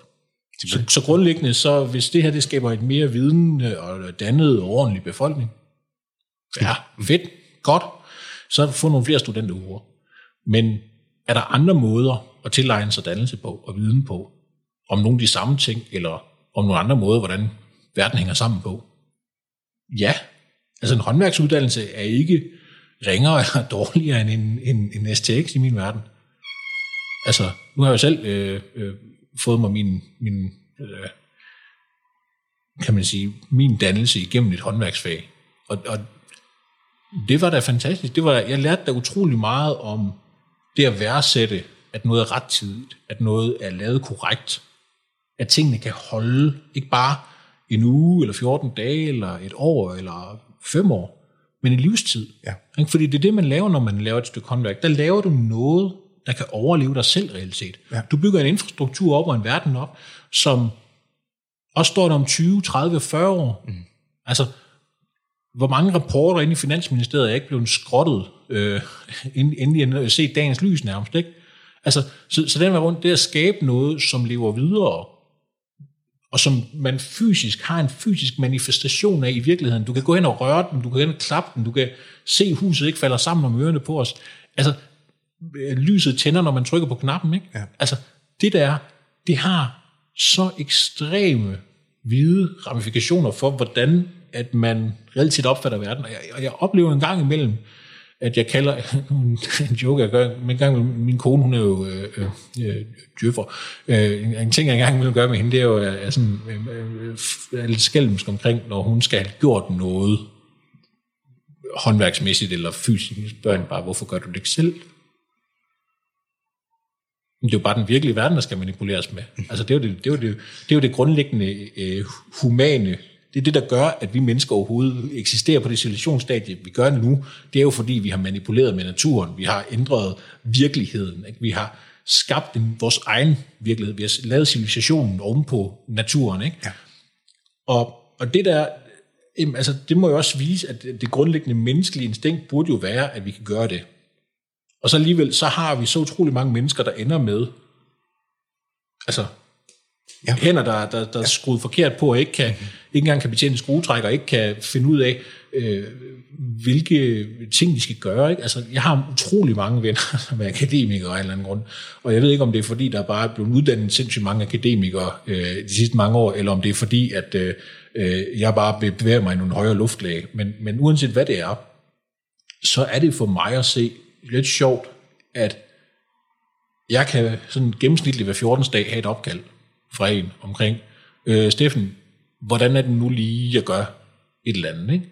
Hvor de står derhjemme og er i gang med at prøve at bikse med et eller andet, ikke? Så de male, så de piller nogle stikkontakter af væggen, ikke? Så, åh nej, hvordan monterer dem nu igen? Ikke? Det troede de lige, de havde styr på, ikke? men så kom de til at splitte noget af, de ikke lige helt vidste, hvad det var, de havde splittet af. Ja. Og så har de glemt at tage et billede, eller de ikke tænkt sådan, Klart. ikke? Og så sender de mig et billede af, hvad der er nu, ud af stik ud af en væg, ikke? Og så siger de, kan du ikke lige fortælle mig, hvordan jeg gør det her igen, ikke? Og så kan jeg, ringer jeg til dem og fortæller dem, hvad fanden de skal gøre ved det, ikke? Ja. Altså, jeg er jo flink og sød, og man skal være gavmild. Det var egentlig at øh, borgerlige dyder, der jo egentlig ligger, ikke? Eller de her klassiske vestlige dyder på den måde, har jo været en, en, en gavmildhed. Altså, man skal være gavmild over for hinanden. Og gavmildhed kommer jo ikke af tvang, men, men man skal hjælpe hinanden så godt man kan. Øh, Det er jo også godt venskab, ikke? Og det gør jeg jo så ved de her stakkels akademikere, jeg kender ikke, dem hjælper jo alt, hvad jeg kan med, med sådan nogle ting, fordi øh, så må jeg jo håbe en eller anden dag, at jeg skal bruge en diskursanalyse eller et eller andet, eller, eller hvad de nu kan hjælpe mig med. Men, men det, det er ikke, jeg, er ikke, jeg er ikke lige stødt på det endnu. Det er der vel egentlig også lov om, at man ikke må hjælpe hinanden med ting nærmest. Er det? Ja, der var en, altså, der var en gang, altså der, der er faktisk en, øh, en venstre minister, som jeg har, havde lidt, øh, lidt affektion for, det var øh, Peter Christensen, da han var skatteminister i en kort periode mm. under Anders Fogh. Fordi han fik faktisk lavet om i en vejledning fra øh, omkring sort arbejde, hvor før havde det været sådan, at hvis en person var faglært inden for noget, og så han gjorde det i sit eget hjem, eller i hans familie, ved hans familie, så skulle der betales skat af det. Altså af værdien af det, han havde lavet. Også selvom han ikke havde givet en regning. Altså selv hvis han var kommet af sit eget gode hjerte og havde lavet noget på en øh, elinstallation, eller havde øh, sat en dør i ved hans mor, eller hvad det nu var, så skulle der betales skat af værdien af det arbejde, han udførte. Det var reelt set det, der var i den gamle vejledning. Og så Peter Christensen, han var selv uddannet elektriker og fra Syd Sønderland, så jeg ved ikke, om det er derfor, jeg har det der. Men, men så sagde han jo sådan set, det der, det er jo helt hul i hovedet. Hvis jeg tager ud til min mor og skifter en stikkontakt, så skal jeg betale skat af det. Men hvis min far, der ikke er håndværker, han gør det, så skal der ikke betale skat af det. Hvordan giver det her mening? Altså, altså det, er jo, det er jo sådan en, så kan man jo ikke, altså du kan ikke gøre noget, ikke? En gardener må ikke klippe sin egen hæk. Altså, du ved, den der, den der idioti, ikke? Altså sådan, hvordan fanden kan det her, hvordan kan det her hænge sammen, at man overhovedet kan tænke den tanke, ikke? Hvordan skrider det så meget? Det, det er jo det, som også, som også undrer mig. Jeg, jeg vil gerne lige tilbage til uh, hele din dannelse, fordi du er jo lidt en... Uh, og det kan godt være, at du siger, at du er elektriker, men der sker jo alt muligt andet i hovedet på dig, end der gør på de fleste af mine elektrikervenner. Øh, du er lidt en øh, mærkelig elektriker. altså, det, er de, jeg, har mange dejlige øh, mandevenner, som også er elektrikere, men der er ikke nogen af dem, der snakker om Bibelen, og der er ikke nogen af dem, der snakker om dannelse, der er ikke nogen af dem, der snakker om øh, værdigrundlag og alting. Så det vil jeg gerne tilbage til, hvor at det kommer fra. Hvor, hvor, hvor fanden kommer det fra? det, altså, mine forældre er ikke bolige mennesker. Så det kommer ikke fra dem sådan direkte. Altså, min, min far var meget optaget af, at, at vi gjorde, hvad, vi, hvad der interesserede os.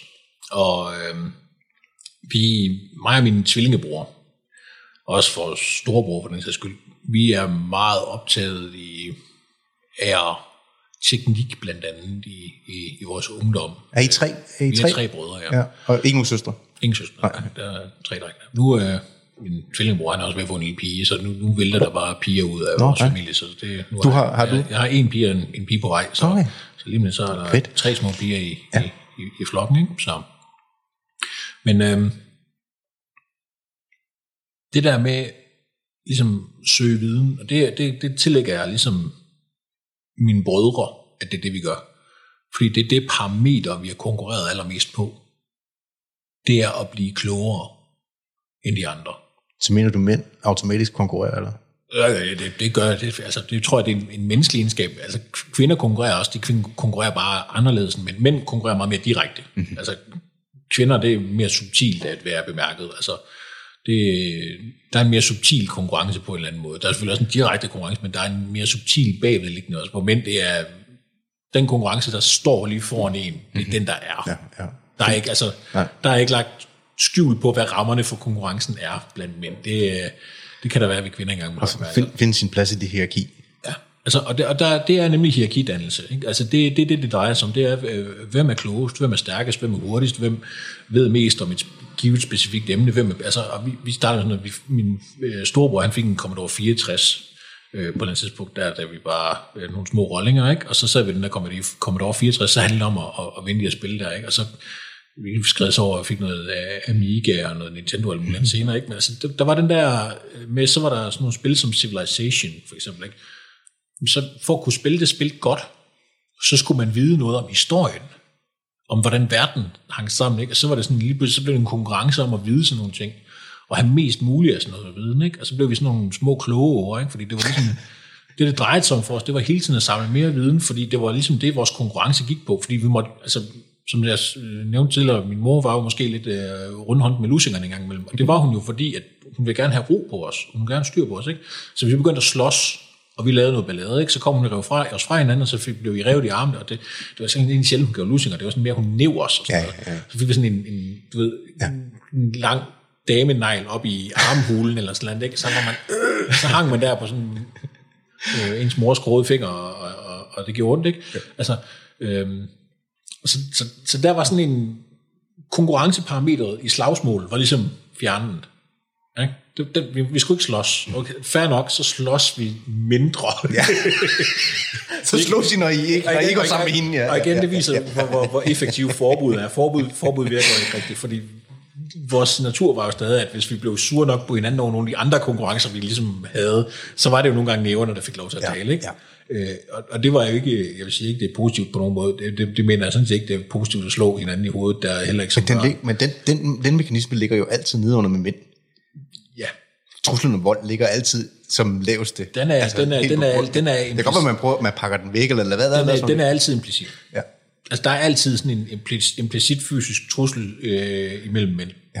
Ikke mellem mænd og kvinder, øh, og ikke mellem kvinder direkte, men mellem mænd er der altid jo ideen om, at øh, altså, jeg- har i, i en- del år sådan filosoferet lidt over, hvordan ting foregår. Jeg, er sådan, jeg nu kommer tilbage til sådan en, en værtshus-setting, for jeg har stået i døren i 10 år på værtshus og, og, og, og øh, diskoteker og sådan noget. Mm. Og de 10 år, der er en ting, jeg oplevede, det er den måde, mennesker går ind i et lokale på. Og jeg, jeg begyndte sådan at meget tænke over det der, mens jeg stod i døren. At de her mennesker, når de går ind ad sådan en dør, hvad er det første, de kigger efter? Hvis en mand kommer alene ind på et diskotek, så det, han kigger efter først, det er de andre mænd. Man kigger ikke efter damerne, det skulle man ellers tro. Det er det, mange de postulerer, ikke? og det er sådan den simple og lidt hyggelige forklaring, at øh, så skal jeg nok lige ud og prøve at score. Ikke? Og ja, det skal han måske også. Men inden han kan føle sig tryg ved at, at kontakte kvinderne i lokalet, så er han nødt til at finde ud af, hvad er truslerne i lokalet. Mm. Ikke? Det er sådan helt øh, basalt, og, og, de gør det ubevidst, tror jeg også. Altså, jeg, jeg begyndte først at gøre det, altså at være bevidst om, at jeg gjorde det, da jeg havde observeret, at andre gør det, men jeg tror ikke, de var bevidste om det, for jeg var jo ikke selv bevidst om, at jeg gjorde det, fordi jeg vidste, bagefter kunne jeg godt se på mig selv, jeg gjorde jo det præcis det samme. Når jeg gik ind ad døren på et værtshus, så scannede jeg lokalet, og først jeg så, det var, hvilke grupper af mænd er der herinde. Mm hvilke mænd har han egentlig, hvor mange af dem er der, som jeg kunne eventuelt få problemer med, og hvem vil jeg gerne være på hold med, hvis lorten rammer ventilatoren.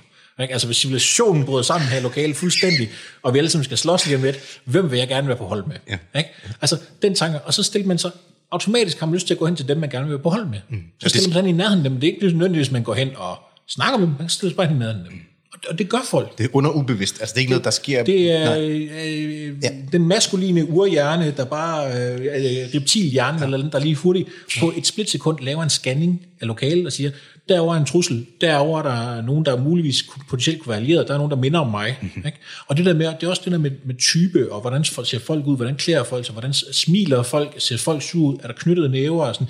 Selv folk, der står op, men med knyttede næver ned af kroppen, de ser fartruende ud. Mm. Ja, fordi næverne er knyttet, og det, det, vi ved det ikke bevidst, men vi ubevidst har allerede spottet det. Og derfor føler vi os mindre tiltrukket af at gå hen til den person, ja. fordi han ser øh, klar ud til at slås. Mm.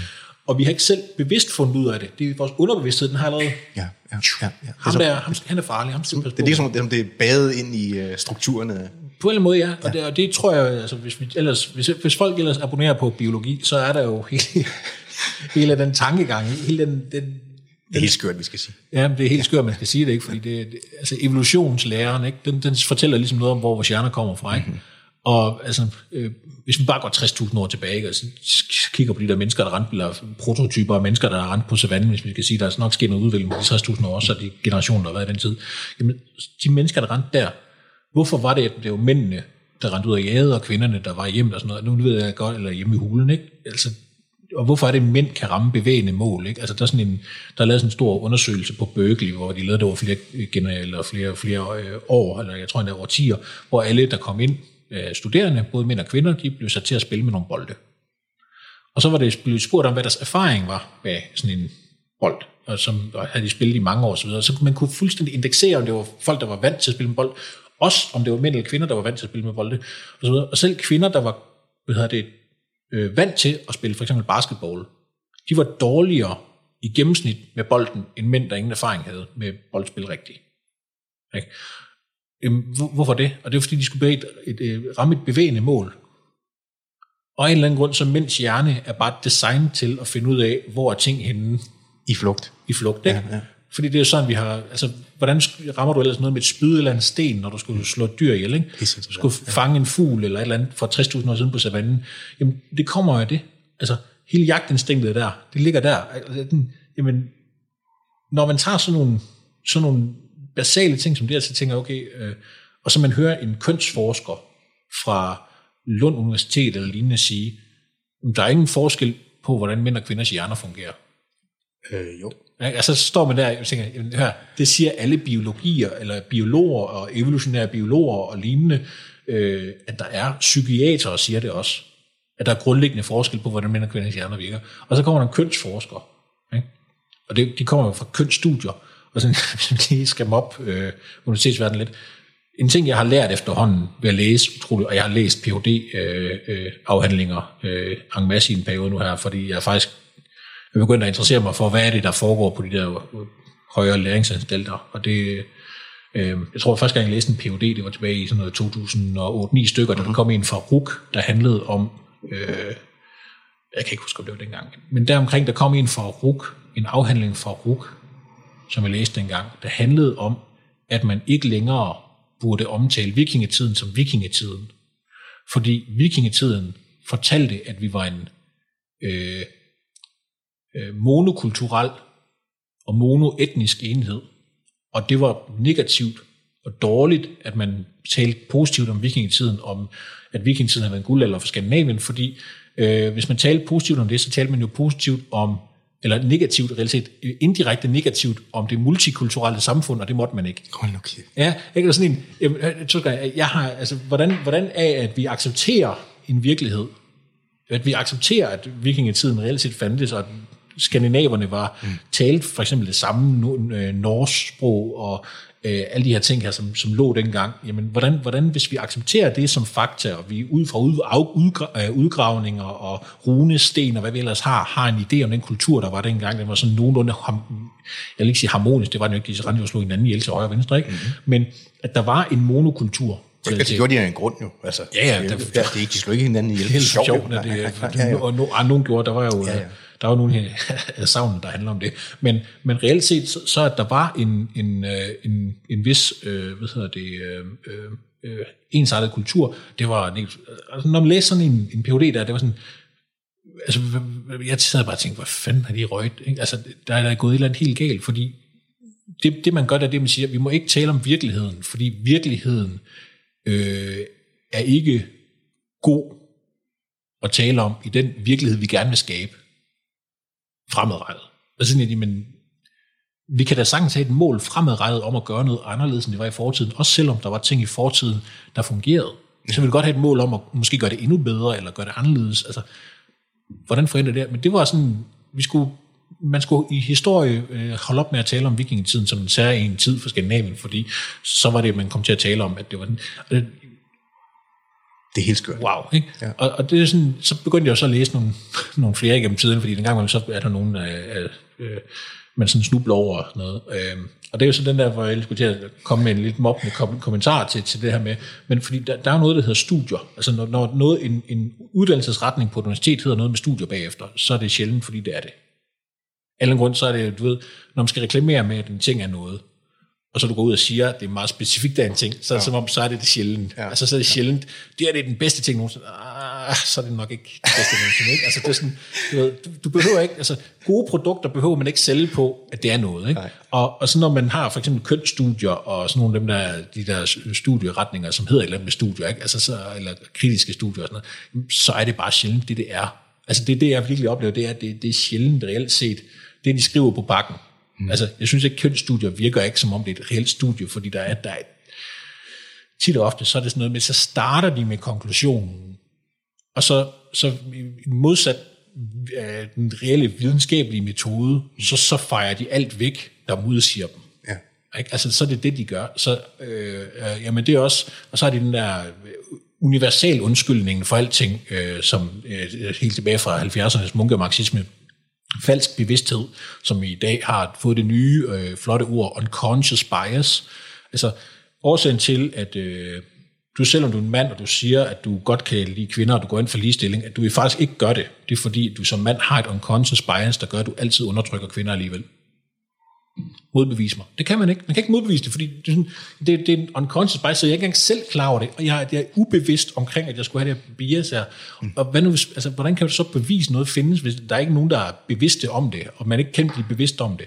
Ikke? Den der falsk bevidsthed i det, det var det der med, at øh, når øh, øh, arbejderne i 70'erne, hvis ikke de støttede kommunistpartiet, mm. jamen, så var det fordi, de led af falsk bevidsthed, så var det de bogøjserne og borgerne, de borgerlige, havde overbevist dem om, at øh, øh, øh, eller øh, impla- implantede i dem en falsk bevidsthed, som gjorde, at de var ubevidst om deres klasse. Sådan, nej, det var måske, altså, hvis man kigger på, hvordan lønningerne steg og sådan noget øh, i, i samme periode i 70'erne, hvor det der falsk bevidsthed blev drysset ud med fri hånd, ikke? Det, det, altså, nej, det, folk blev rigere, og det, tingene gik bedre i samfundet og sådan noget, helt uden at man havde kommunisterne. Altså, så der var en, Hvad er, hvad er det der for en strømning? Altså, hvad, og hvad er det for nogle mennesker? Hvorfor, hvad, hvad, hvad er deres... Altså, hvad, det er også de spørgsmål, som er, hvad er sigtet med det? Jeg kan godt se, jeg kan sagtens se alle de ting, du siger, øh, og det ser ud som om øh, køn og øh, seksualitet, og øh, vi, har en, vi har en række emner i øjeblikket, som, hvor man også prøver at spille mennesker ud mod hinanden, altså hvor, hvor, vi, hvor, vi, hvor vi sådan fundamentalt øh, skal, øh, skal lade som om, at det vi alle sammen i forgårs vidste var sandt, det er nu usandt, og det vi vidste i forgårs var usandt, det skal nu være sandt. Altså skal vi alle sammen sådan en høfligheds... Øh, det hvor vi bliver pakket ind i at skulle lade som om. jamen det er jo, Men hvad, hvad, hvad er sigtet med det? Jeg kan simpelthen ikke forstå. Altså hvis man måske hellere skulle til, altså man kan jo selvfølgelig kritisere sådan nogle ting der, øh, og, og det bør også kritiseres, altså hver dårlig viden bør kritiseres. Øhm, øh, altså det er jo den måde, den videnskabelige metode fungerer på normalt. Øh, og, det, og det er jo det der, det der kan undre mig, det er jo nogle gange, så ser man jo nogle ting, hvor, man, hvor, man, hvor de har ikke nogen statistik, de har ikke nogen beviser, det er ikke noget belæg. Det bliver fremlagt om det er fakta. Ikke? Og så sidder man og tænker, hold da op, jamen er det sådan verden er? Mm. Øh, for det er ikke det, jeg oplever, det er ikke det, jeg kan se. Øh, og det er ikke det, statistikken viser, det er ikke det, undersøgelser viser, det er ikke det, der er noget som helst, der viser, og så, så bliver man sådan lidt forundret. Øh, og så bliver man selvfølgelig nødt til at kritisere det og stille spørgsmål ved det. Og det samme man gør det, så øh, hvis man er nogenlunde øh, vel, velvandret i, hvordan Twitter fungerer, så, så bliver man udskammet og svine til øh, fra, fra en kant af, af, af de mest øh, rabiate venstreorienterede mennesker, man nærmest kan, kan støde på. Ikke? Men, men, men hvis, hvis, man, hvis man så går den anden vej rundt og ser, okay, øh, hvad kan man så gøre i stedet for? Jamen altså, jeg, jeg tror jo på det positive eksempel også. Og, og, og spørgsmålet er jo, hvis vi nu som borgerlige øh, kigger tilbage på det, altså, de borgerlige har haft magten de 15 år de sidste 20 år. Mm. Og universitetsverdenen er kun blevet mere identitetspolitisk og venstreorienteret i mellemtiden.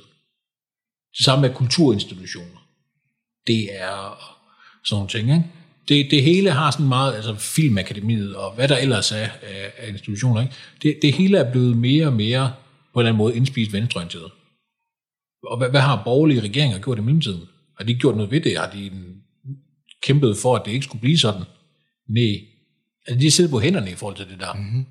Og, det, og det kan jo undre en, fordi jamen, altså, når du overdrager dannelsen af næste generation til venstrefløjen, hvordan kunne man så ikke forvente, at man fik en, en større øh, venstrepopulisme eller et eller andet lignende. Øh, ud af det? Øh, og, og, så der er et svigt, kæmpe borgerligt svigt, og, og den eneste ting, jeg kan se, der kan kæmpe imod det der, det er, hvis man som borgerlig, eller som hvert vestligt orienteret og nogenlunde fornuftig, der gerne vil konstruere og bygge verden til et bedre sted, at man så går i gang med at skabe nye institutioner, som har et borgerligt øh, fokus og et blik på verden. Ikke?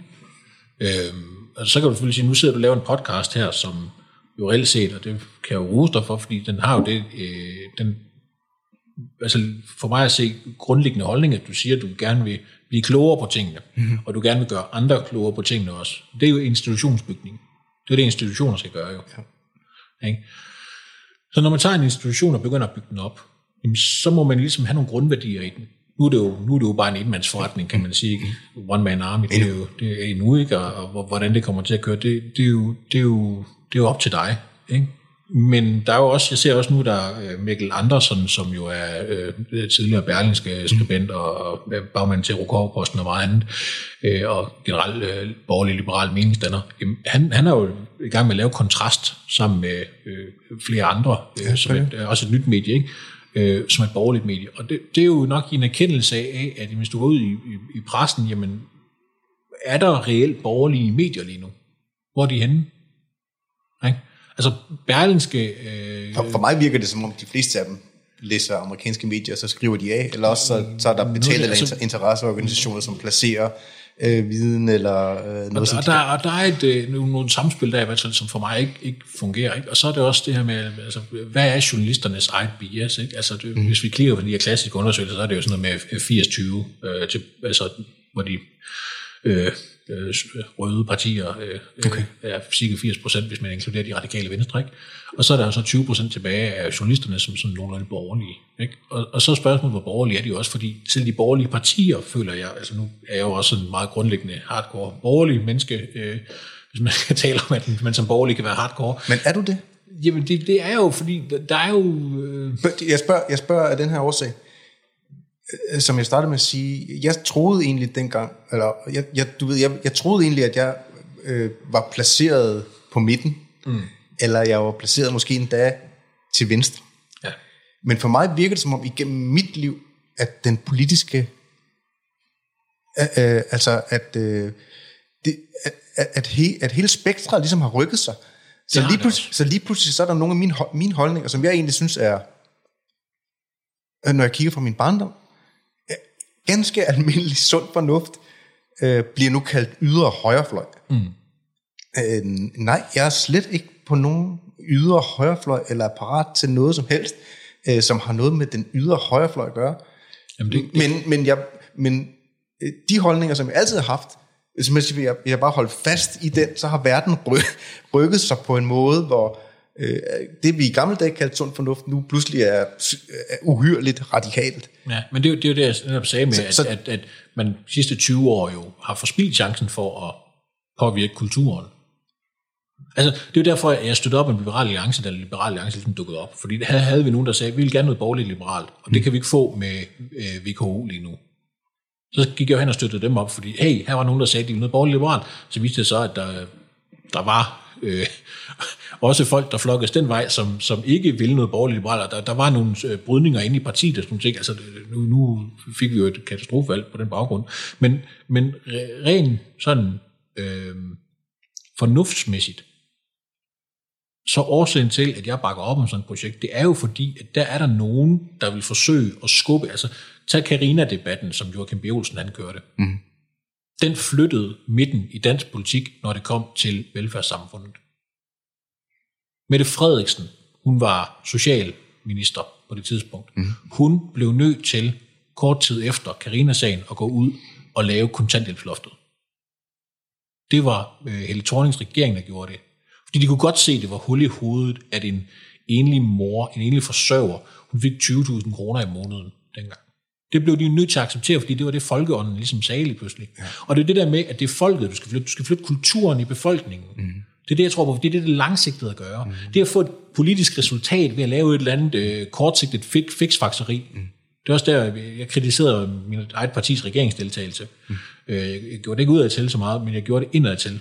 Øh, jeg har haft nogle fine samtaler med, med Anders Samuelsen, hvor jeg har fået at vide, hvor dum jeg var, fordi jeg ikke forstod, hvad fanden, hvor genialt det var. Men det var, fordi jeg troede på det langsigtede. Jeg tror på, at vi er nødt til at flytte kulturen. Jeg tror, vi er nødt til at, på, vi er nødt til at have konfrontationer hver gang, at der kommer en socialist, der siger noget, som er fuldstændig ufornuftigt og uholdbart, men de gør det med udskamning og med, øh, hvis ikke du gør det samme, gør som jeg, så er du racist. Jamen, okay, så må du fortælle mig, at jeg er racist, mm. men så må jeg fortælle dig, hvorfor jeg ikke er det. Mm så, så skal vi tage den konfrontation. Og så vil det fornuftige argument jo vinde, hvis ellers at vi har en nogenlunde fornuftig medieproces til at få det udbredt med. Det er det, der skete i Karina-sagen. Det var alle folk, i, også de journalister på Ekstrabladet, der tog med til med Øslem Sikic og Joachim B. Olsen, de var overbevist om, at nu skulle man se ham der kuglestøderen få tæsk. Ikke? Nu skulle man rigtig udskamme ham, nu skulle man rigtig ødelægge hans ry, nu skulle man rigtig ødelægge det hele for ham. Og så viste det sig krast dig med, at han havde ret i alt, han havde sagt. Helt faktuelt, punkt for punkt, havde han ret. Damen havde 18-19, jeg kan ikke huske, hvor mange penge udbetalt, som egentlig øh, for så hun havde bjerge af pengekriminalitet, viste det sig jo. Socialstaten havde taget hånd om hende mere end rigeligt. Hun kunne leve et godt liv for de penge. Hun var ikke fattig. Nej. På trods af, at øh, øh, venstrefløjen havde gået og sagt, at de her enlige forsørgere, de var super fattige, og de var helt presset i bund, og man måtte finde nogle flere penge til dem. Så viste det sig, nej, altså, hun havde, altså mere end, hvis hun havde haft et normalt arbejde, havde hun haft det næsten det halve, ikke? Altså, det er sådan en, der er jo ikke noget incitament for en til at tage et arbejde nogensinde. Ikke? Og det er jo det, det der, hvis du kan forklare virkeligheden, og stille den fuldstændig firkantet op, og tage en konfrontation med venstrefløjen. Og det, der skete efter det, det var jo, at så trak de fandme med med følehornene over på venstrefløjen. De gad ikke diskutere med Joachim B. Olsen pludselig. De, de, de stak af hver gang, han, han var, de fik at vide, at han kom i en debat, så var der folk, der ikke ville dukke op til debatten, hvis han var der. Det er løgn. Nej, nej, det er da rigtigt. Det er der stadig i dag. Der er der jo stadig debatter, hvor hvis, hvis øh, det, det er det korrekte emne, og de, altså, så, så kan debatten ikke blive til noget, fordi der er ikke nogen, der vil stille op og, og mm. forsvare et punkt. Ikke? Altså, det sker jo det sker jo relativt ofte i den politiske proces, at der er politikere, der ikke vil stå på mål for noget, fordi de ved, det er svært at forsvare hvis der kommer nogen, der har fakta med.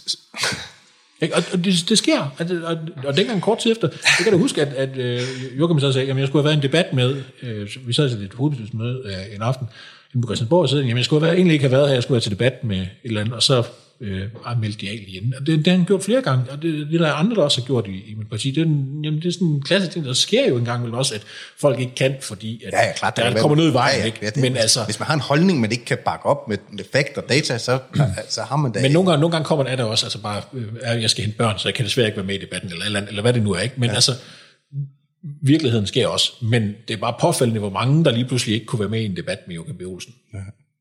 Okay? Han blev fact-checket ret mange gange. Hvor han blev han... fact-checket non-stop, og han havde altid ret. Detektor var virkelig trætte af, ja. at de ikke kunne finde noget på ham. Ja. Eller det, jeg ved ikke, om de var trætte af, at de ikke kunne finde noget på ham. Men der var masser af folk, der hele tiden meldte ham til Detektor og til alle mulige andre programmer, hvor de fact-checkede. Ikke? Øh, der var også Berlingske kørte sådan et sandhedsbarometer på et tidspunkt, hvor man skulle sætte, om det var sandt eller falsk og sådan noget. Øh, og, og jamen, de fandt jo bare altid ud af, at han havde, han havde bare ret. Det var rigtigt, det han sagde.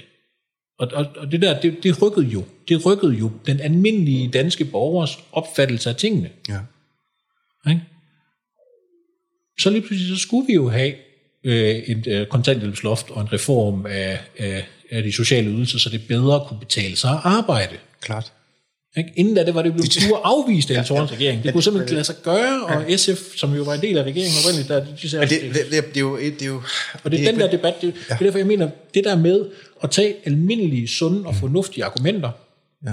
og gå i byen med dem, ja. mod dem, der kommer med, øh, altså, hvad som helst, om det så er, fordi de er intersektionelle feminister, eller hvad de nu kommer med af, af ting, hvor de mener, at vi skal nedbryde samfundet, og vi skal ødelægge et eller andet, og vi, øh, det hele skal pilles fra hinanden, fordi øh, patriarkatet styrer det, eller det er også øh, hvid cishet mænds skyld, eller hvad det nu er, jamen, så spørg dem.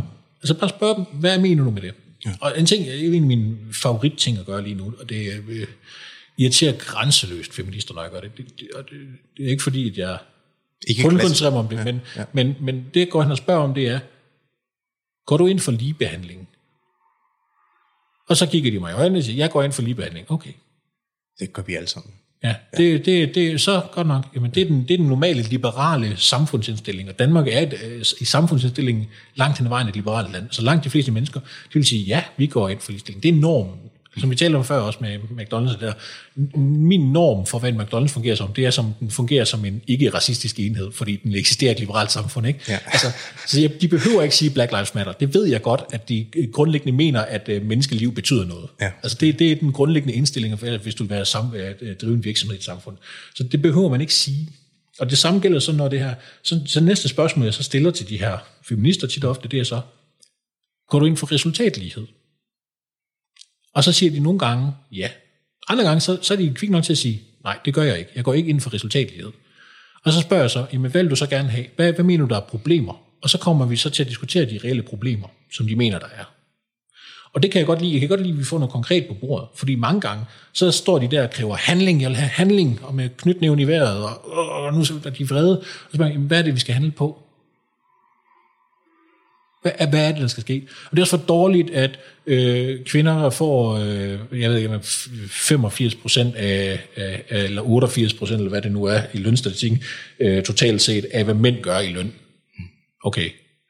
Jamen, at- hvorfor er det et problem, spørger så. Og det er jo et sindssygt provokerende spørgsmål, når det lige er sagt, det er et problem. Så spørger, hvorfor er det et problem? Ikke? Og det er den der, altså sådan en helt logiske tilgang til tingene. Ikke? Altså sådan, jamen det er et problem, fordi, det, altså, hvor er det, vi har en ligelønslov i Danmark, siger så. Den, har, den burde jo løse problemet. Hvis, hvis du mener, at du får mindre i løn som kvinde, fordi du er kvinde, end din mandlige kollega gør, så slæver du din virksomhed i retten. Du kontakter din fagforening, og sådan det er. Mm. Så er de slæbt i arbejdsretten, og så har du fået tilkendt erstatning, og du har fået hævet din løn. Sådan der. Ja. Det er det, der sker. Har du gjort det? Nej. Okay. Hvorfor ikke? Jamen, nu gælder det ikke lige mig, altså jeg, jeg får faktisk lige løn, kommer de sådan nogle gange frem til. Ikke? Det er sådan nogle andre, der... Det er lige nogle andre, der gør det, ikke? Okay. Men jeg spørger, som, fordi, nej, fordi den der statistik der med, det er det der, jeg kan ikke huske det præcise procenttal, øh, kvinder får øh, løn, men det handler jo også om, jamen okay, kvinder arbejder oftere deltid, kvinder arbejder i mindre risikopræget erhverv, kvinder og mænd arbejder i dif- differentieret erhverv, øh, har forskellige arbejdstider, altså mænd har oftere overtid mm. end kvinder generelt. Det er generelle ting, men det er jo det, der slår igennem, når vi så tager et gennemsnit. Det er jo alle de generelle ting. Men man tager vel for fanden ikke bare gennemsnittet af, hvad alle mænd og alle kvinder tjener, og så laver man en... Jo, jo, det er det, de gør hver år, når de kommer der med den der, her i november eller et eller andet tidspunkt, der kommer øh, der de her øh, kampagner fra Kvinfo og alle mulige andre, øh, Det jo altid Dansk Kvinderåd, og siger, jamen øh, nu kan vi kvinder godt holde op med at arbejde resten af året, fordi det får vi ikke løn for. Men det, det, det, uanset hvilke grupper man tager, vel, det er jo altid blevet skævt. Når man Ja, gøre det på ja den men det, er du kan gøre det på øh, baggrund af homoseksuelle og heteroseksuelle. Øh, så tror jeg faktisk, at homoseksuelle vil tjene væsentligt mere end heteroseksuelle, fordi det, ofte har de ikke børn overhovedet, og den største lønforskel, der forekommer, det er ikke imellem mænd og kvinder. Det er imellem mødre og alle, der ikke har børn. Altså alle, der ikke er mødre. Ja, ja, ja. Så både mænd og så også kvinder, der ikke har børn. Ja. Altså hvis du tager kvinder og sorterer dem i gruppen mødre og øh, kvinder uden børn, så kvinder uden børn, de har jo normalt en væsentligt højere løn end mødre. kvinder med børn, ja. altså mødre. Naturligvis. Så, så det at være mor, det har nogle omkostninger. Ja. Så er spørgsmålet, og det er jo det, der altid bliver spørgsmål, vil du undvære børnene? Nej, det vil jeg ikke. Nej, først man har dem, så vil man i hvert fald ikke. Nej, men, altså, der er omkostninger forbundet med livet. Ja, ja, Ikke? Og så kan det godt være, at mænd undgår nogle af de omkostninger, fordi vi biologisk er skabt, som vi er, alle mulige andre ting. Okay, men er det et problem? Fordi nu, ikke, det, nu er det, jeg kommer komme frem til sådan noget øh, småborgerligt, selvom jeg er liberal og øh, benhård libertarianer på en masse områder, så er det alligevel sådan, at okay, folk må organisere sig, som de vil. Det er jo det, der sådan, foreningsfriheden er der. Ikke? Det er også fri- friheden til at have din familie, som du vil. Ja, selvfølgelig. Ikke? Ja. Og det vil sige, at hvis mand og kone kan blive enige om at lave en familie, hvem, hvem- hvem skal så gå hen og du definere, at det må de ikke på den måde, de har lyst til? Fordi det er det, feministerne siger, det er, at nu skal manden tage noget af barslen, ikke? Nu skal der øh, øh, sættes kvoter på og sådan noget. Og så bliver min næste spørgsmål, det er så, jamen, hvorfor har man så barsel? Ja, fordi det bliver mit spørgsmål, fordi hvis vi har barsel, fordi vi skal have kommunens ligestillingsark, eller FN's UN Women's øh, ligestillingsark, øh, Excel-ark til at gå øh, 50-50 op på mænd og kvinder, jamen så skal vi jo lave en fuldstændig statslig styring af det, fordi hvis mennesker selv får lov til i deres egen familie at, at styre, hvordan de går på barsel for eksempel, jamen så, så får vi jo altid skævtal. Så får vi altid, at det er ulige på en eller anden måde. Og nu ved jeg ikke, hvor mange kvinder du kender, øh, som øh, skal vælge barsel, men, men jeg har en del øh, i mit øh, netværk, som enten er gravid eller i gang med at få familie, eller allerede har børn. Og hver gang jeg har talt med dem, så er det sådan noget med, de prøver nærmest at forhindre deres mand i at tage barsel. Ikke? Mm. Øhm, og deres mand er heller ikke så interesseret i barselen, som kvinden er.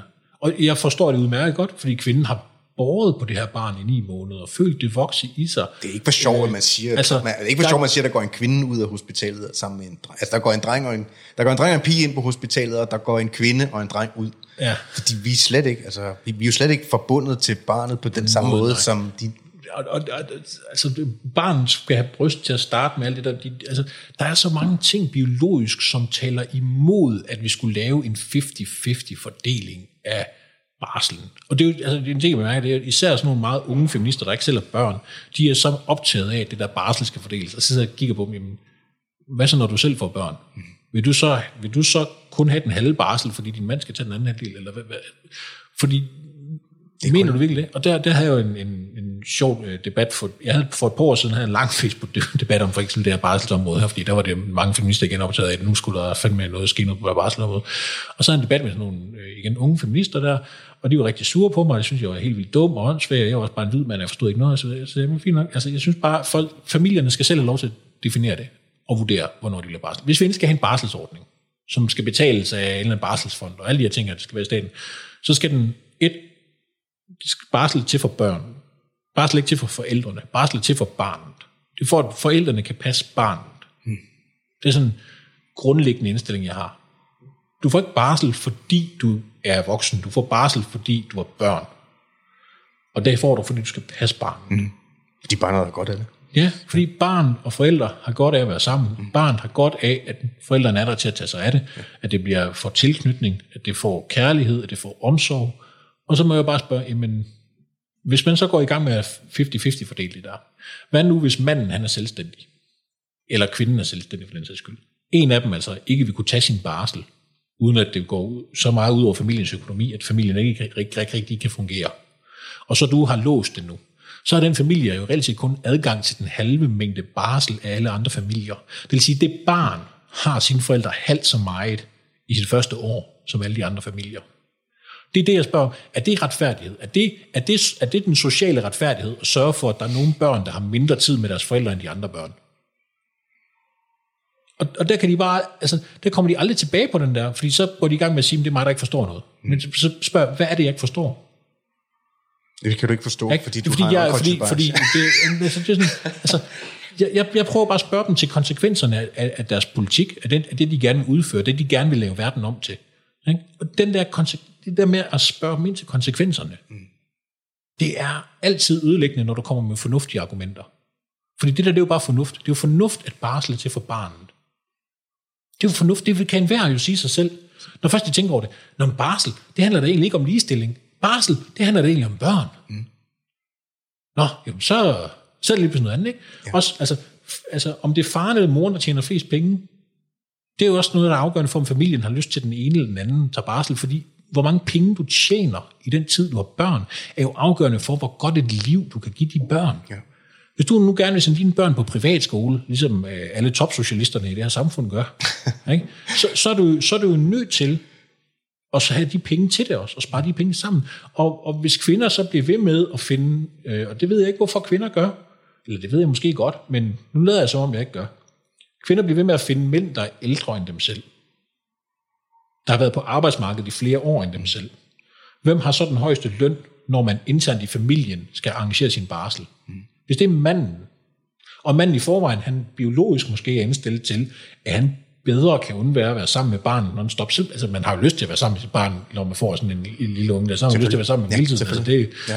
det er også skiller også manden, men manden kan måske bedre på en eller anden måde psykologisk undvære barnet. Det er som om også mænd, vi kan være mere ensrettet i vores drive. Det vil sige, når vi først er på arbejde, så er vi på arbejde, så gør vi tingene, så, kan vi ikke, så sidder vi ikke og, og tænker over, hvordan må de har det derhjemme så meget. Altså, så går vi måske bare mere i gang med at lave opgaven og få det klaret, så vi kan komme hjem.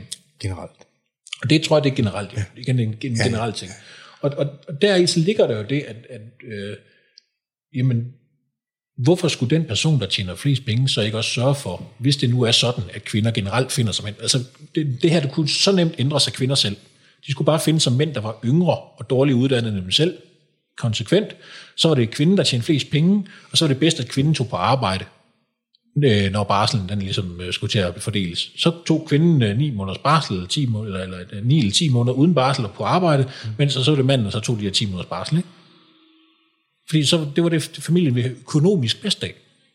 Det vil sige, det er det, børnene får flest muligheder ud af. Fordi forældrenes økonomi handler jo ikke om, at far har nogle penge, og mor har nogle penge, selvom det er det, feministerne siger, når de prøver at lave det der øh, regneark op omkring barsel, fordi det jo handler om lønnen. Det handler om, hvor meget tjener de her mennesker her.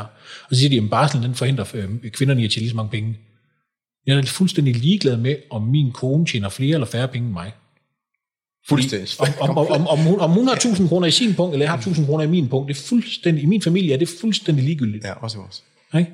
Og det er fordi, familien er den eneste funktionelle kommunistiske enhed nogensinde. Mm. Ikke? Det er det, fordi ja, jeg vil øh, bløde, svede og dø for min kone og for mine børn. Ja. Uden tvivl. Og det tror jeg øh, gør sig gældende for 99 procent af, af alle andre. Ikke? Øh, Der er selvfølgelig nogen, der øh, øh, skilsmisser og sådan nogle ting sker, og der er jo også mennesker, som øh, får børn ved uheld og måske ikke helt kommer sammen. Og sådan noget. Men altså generelt, hvis man har et nogenlunde normalt sind i min verden i hvert fald, så er man indrettet på den måde, at man vil arbejde benhårdt for den der familie. Du vil ofre dig, du vil slide, og du vil udsættes for, for de værste gloser i, i bogen, og, og, og, og tage de test, der skal til, for at den familie har det godt. Ja. Sådan er det. Der er ikke noget der, altså der er ikke, i min verden, der er ikke noget mere stabil arbejdskraft i verden, end en øh, nybagt far, der har et realkreditlån.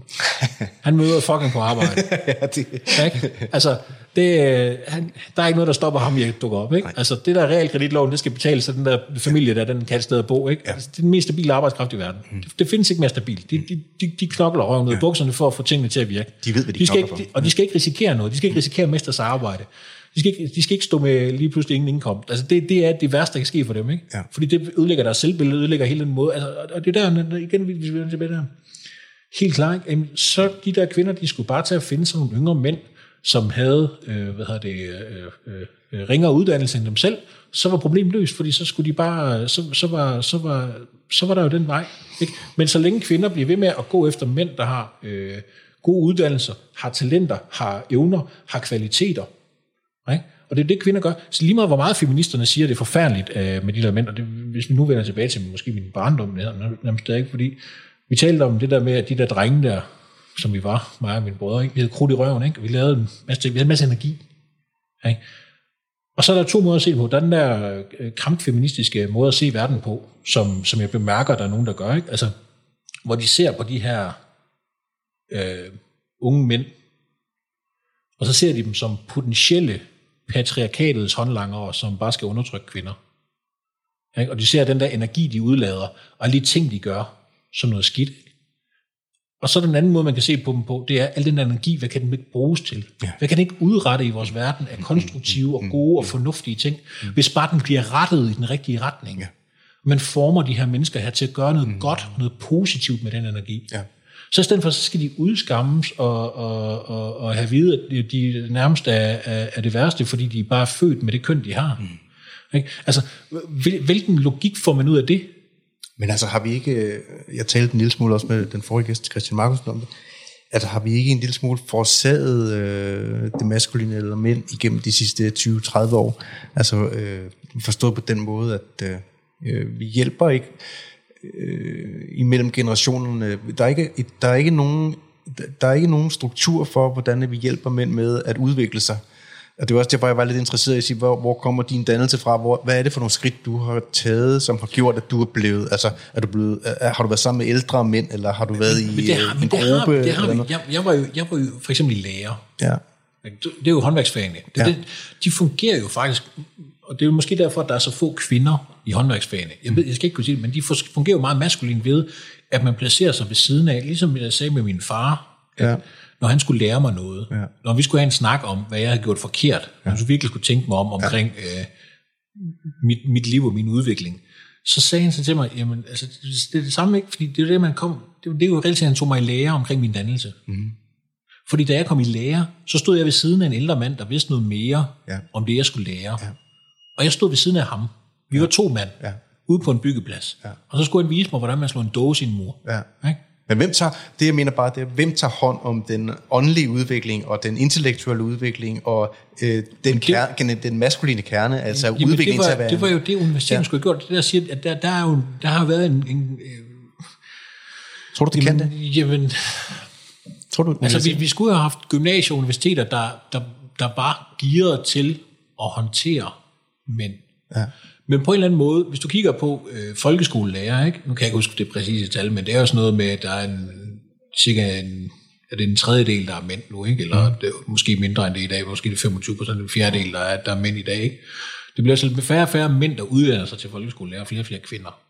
Ikke? Ligesom vi så med pædagogfaget. Vi ser så øh, medicin, altså læger. Der er flere kvindelige læger uddannet i dag, hver, dag, hver gang, end, end der er mandlige. Ikke? Altså så det der med, at der er de her old boys clubs i alle mulige ting. Det, altså ja, det er der jo måske, men det er jo fordi, det dem, der blev uddannet for 40 år siden, der var det jo måske mest mænd. Mm. Men det, det uddør jo. Altså, den der løsning på Old Boys Club-problematikken, hvis der er en, jamen, det er jo reelt set bare de der mænd, der som er dem, der har, måske bare har mest erfaring og de fleste kompetencer, fordi de har været i branchen længst. De dør.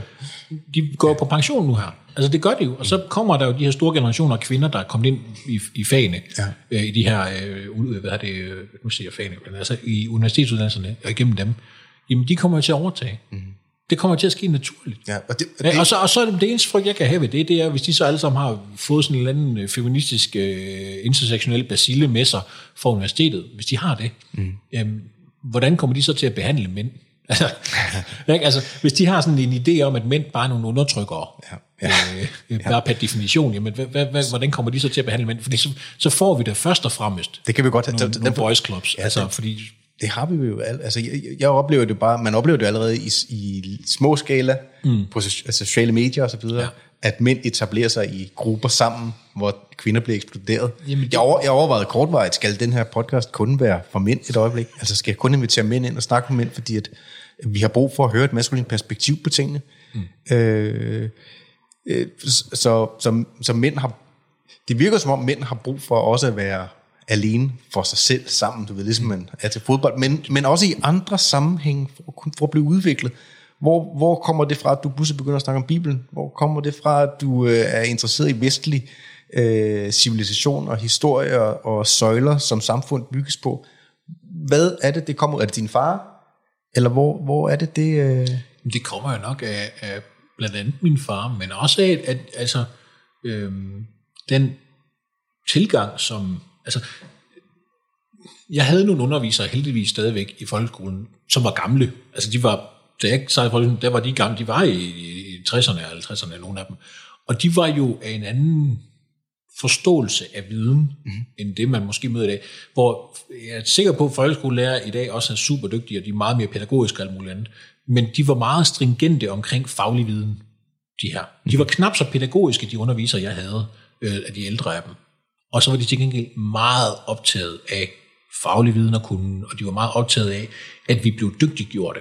Og det, at man bare er optaget af at dygtiggøre sine elever, det er jo, det er jo allerede et dannende proces, fordi det gør, at de interesserer sig for dig. Ja. De interesserer sig ikke for, for dig for, hvem du er. De interesserer sig for dig for, hvad du kan. Og det er der, hvor jeg måske er bange for den her meget pædagogiske forståelse, som man ser rundt omkring. Og jeg, jeg, nu har jeg jo ikke selv taget pædagogikum endnu, det skal jo muligvis på nu her. Øh, Det er fjerde gang, jeg bliver tilmeldt sådan et, uden at øh, komme på det nu her på min, min arbejds. Det burde jeg ikke nævne her, men, men der, der, der, har været nogle, der har været nogle problemer med at få mig afsted på sådan noget, fordi jeg, jeg har, man har haft brug for mine kompetencer andre steder ikke? Ja. I, i, i mit arbejde, og jeg egentlig skulle jeg tage sådan en pædagogisk uddannelse, grunduddannelse. Jeg er ikke kommet sted på endnu, men, men uanset hvad, så det jeg ser i min egen verden, hvor jeg underviser, det er jo, at jeg interesserer mig kernemæssigt for mine elevers kunde, og for hvad de kan, og for hvad de kommer til at kunne. Jeg ser dem fremadrettet. Jeg ser dem, du er her, hvor skal du hen? Ikke? Hvor nogle af mine kollegaer, som er meget sådan pædagogisk og bløde, og sådan, har sådan en klassisk pædagogtilgang på en eller anden måde, vil jeg nærmest sige, de er sådan meget optaget af, hvem er eleven? Jeg er interesseret i, hvad kan eleven? Ja. Og den der forskel der, den, den, det ved jeg ikke, om det er det der øh, med den pædagogiske uddannelse, den, den gør, at man ser det anderledes. Jeg ved ikke, om der er en fordel i det, men for mig at se, mine elever connecter sindssygt hurtigt med mig, fordi jeg vil vide, hvad de kan med det samme. Mm. Jeg spørger dem, hvad kan du? Hvad kan du ikke? Mm. Og det der med, at jeg bare stiller et spørgsmål, hvad kan du ikke? Det får dem jo til at svede træn, fordi det tvinger dem jo til at tænke over deres fejl og mangler. Hvorfor kan du ikke finde ud af det her? Du har da haft kurset, du har været på uddannelsen, du har læst det her, du skulle læse det her. Hvorfor har du ikke læst det? Ikke? Det er da ubehagelige spørgsmål at få stillet. Men nødvendigt. Ja, det er sgu da absolut nødvendigt. Ja. Men, men det gør man måske ikke så meget i den der, hvor det handler om det personlige hele tiden, den der personlige udviklingsrejse og alt det der. Det, det, det er så mægtig fint, men det, det er bare ikke det, det drejer sig om for mig. For mig drejer det sig om, at hvis, vi, hvis jeg interesserer mig for, hvad et menneske kan først, mm. så finder jeg også ud af, hvem de er. Jeg finder ud af, hvem de er på et meget dybere personligt plan, fordi hvis jeg spørger dem, hvad kan du godt lide at lave? Så får jeg svaret om, hvad de godt kan lide at lave, og så ved jeg jo den ting om dem. Men hvis jeg spørger dem, hvad kan du? Så fortæller de mig måske også godt, hvad de kan lide at lave, men de fortæller mig også, hvorfor det er det, de kan lide at lave. De fortæller nogle dybere oplysninger om dem selv. Også ubevidst fortæller de mig nogle ting. Ikke? Fordi det er det, der er, når vi finder ud af, hvorfor folk de kan noget, eller hvorfor folk er dygtige til noget, eller har du læst lektierne? Ikke? Altså, spørgsmålet, har du læst din lektier? Ja. Det stiller man jo ikke, men man spørger måske, hvorfor kan du det her? Eller hvorfor kan du ikke det der, når du har været på det kursus? Mm. Det er det samme spørgsmål reelt set, det er bare pakket ind på en anden måde. Men ja. det gør eleverne, hvis jeg svarer, ja, men jeg fik ikke lige fat i det der, eller jeg havde det på en dårlig måde. Eller Først kommer de med undskyldning, så presser du på der. Så finder du ud af, jamen, det var måske fordi, at jeg ikke lige helt brugte så meget tid på det, som jeg skulle have gjort. Ja. Ikke? Og så er det, de begynder, og så skræller man nogle af lagene væk, og så finder du faktisk ud af, hvad han gjorde af inde bag ved det lag, eller hun er gjort af inde bag det lag. Ja. Og, og, og der, der ligger den der kerne af mennesket, fordi det, det, hvad gør du, når du står i en situation, at du skal noget, og ja. det er nødvendigt, at du bliver god til det her, Ja. og du så du har faset det lidt. Mm. Du har ikke gjort det så godt, som du kunne. Ja. Det, det, det der, der er en kerne af... Men jeg kunne godt tænke mig, jeg, jeg kunne rigtig godt tænke mig, at du kommer tilbage. Og tiden er ved at være gået nu, altså vi har snakket i en time og 40 minutter. Ja. Øh, jeg kunne vildt godt tænke mig at have en snak med dig omkring øh, øh, de nødvendige skridt, som, altså de nødvendige skridt, som det maskuline skal tage, øh, for at blive mere bevidst. Fordi det er jo helt øjensynligt, når man taler med dig, at du er et bevidst menneske. Altså der er hul igennem, og der er hul igennem til flere lag, end der er i mange samtaler, man har med mennesker. Hvad er det for nogle... Fordi jeg, jeg oplever, at øh, udviklingen af... Hvis vi kigger ud over, bredt ud over kultur, øh, så har der altid været en form for ritualer eller noget, som mænd har skulle gå igennem for at vokse psy- psykologisk og åndeligt, for at blive mere bevidste og mere ansvarsbevidste, mere øh, klar på deres plads i verden i forhold til øh, det store kredsløb. Øh, ja, Gud, om du vil.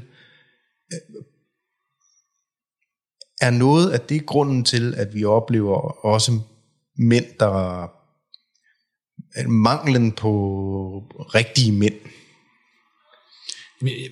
Er der, en, altså, er der en mangel på rigtige mænd, eller altså, er de bare ikke, fordi hvis vi kigger på mediebilledet, så kigger det på, hvad kigger det på, det mediebillede, ikke? Mm-hmm. Hvis, medie, hvis det er mediebilledet, vi skal finde ud af, om der findes rigtige mænd på, mm. så, så får vi dem aldrig vist, fordi hvor er de rigtige mænd henne? Hvor er de der mænd? Ja. De er ude på byggepladserne. Ja. De er ude i udkants Danmark. Mm. Du, hvis du tager Åben Rå Kommune, hvor jeg kommer fra, mm. i aldersgruppen 15-30 år, mm. der er der to tredjedel mænd, en tredjedel kvinder. Mm. Okay, hvad har vi i København? Ikke? Der er det nærmest det omvendte forhold. Ikke? I aldersgruppen 15-30 år, der er der næsten to tredjedel kvinder og en tredjedel mænd. Ikke? Så er det jo, man må spørge sig selv, okay, når vi har sådan en skæv kønsfordeling, og hvis medielivet og nyhedsstrømmen og så videre, den kommer ud af de store byer. Hvis det nu er en, en ægte præmis, det ved jeg ikke, om den er, men lad os, lad os lege med ideen i hvert fald, så, så må vi jo sige, at der findes en masse rigtige mænd derude, der arbejder, der knokler, der arbejder i industrien, de bygger ting, de skaber ting, de laver noget, mm. og hører vi til dem? Øh, måske, ikke i, måske ikke i, i særlig høj grad. Og det er fordi, de har ikke taget de der veje, som medierne finder interessante. Mm. Ikke? du får jo ikke en nyhedshistorie fra en fyr, der købte sig en gård lidt uden for Sønder Magle. Ikke? Altså, det, er jo, det, er jo den, det er jo ikke den nyhedshistorie, man lige får. Nej. Ikke? Du får et eller andet om, øh, om, at nu er der en kvinde, der føler sig krænket over et eller andet. Ikke? altså, ja, det ved jeg godt, det er meget groft sagt, og det er det også. Men, ja. men det, er, altså, det er jo den historie, der finder vej til medierne. Ikke? Ja. Ikke? Altså, der var for eksempel nu en, den mindst belyste morsag, der har været i mange år i medierne. Altså, jeg, jeg tror, jeg har set sådan tre eller fire artikler om den. Det er nu en eller anden øh, tidligere svømmer og en eller anden øh, øh forhærdet bodybuilder, der gik rundt og så dræbte de enlige mænd og lavede hjemmerøverier ved dem. Der, der har nærmest ikke været nogen mediesag om det, ikke? Men, men altså, hvis det havde været kvinder, der blev slået ihjel, så er jeg ret overbevist. Og det, det, men, mænd, der slår mænd ihjel, er i det, det hele taget det, ret uinteressant. Det er en ret uinteressant ting, ikke? Altså, så skal det være, fordi der er en rockeropgør, eller en bandefight, ja, eller klar, men altså, klar. sådan nogle hjemmerøverier, hvor der blev slået nogle mænd ihjel, altså, den er blevet dækket lidt i BT og i Berlingske og sådan noget, og Ekstrablad, men det er minimalt i forhold til, hvis, hvis man ser på, på, øh, på en, altså, og, det, og jeg mener, det, det er rigtigt nok, at det er sådan. Altså, misforstå mig ikke, men mænd er kulturelt, socialt og på alle måder meget nemmere at ofre end kvinder. Ja. Og det, det er vi. Det, skal vi. Det, det er indbygget i os, og det skal vi selvfølgelig tale mere om. Det skal vi have en snak om. Ja, det, skal vi have, det, det skal vi have en lang ja. snak om. Det har bare været, altså, vi, ja, vi kunne snakke flere timer herfra, men altså, vi kan ikke lægge en ting ud, der var fire timer på, på YouTube. Der er aldrig nogen, der kommer igennem den. Der kommer igennem den. Nej det har bare været mega fedt, du kom forbi. Ja, jamen, jeg, jeg håber, at du øh, har lyst til at komme forbi igen og tale. Gerne. Og at øh, også at vi kan tale uden for, øh, for her. For der er sikkert også ting, som ikke skal på bånd endnu. Ja, Med spændord. Ja, ja, ja, det er helt ja. sikkert. Ja. Men altså, det er godt. Uh, tusind tak, fordi jeg måtte komme, Thomas. Det var bare så lidt. Det var min fornøjelse. Tak for det. Tak.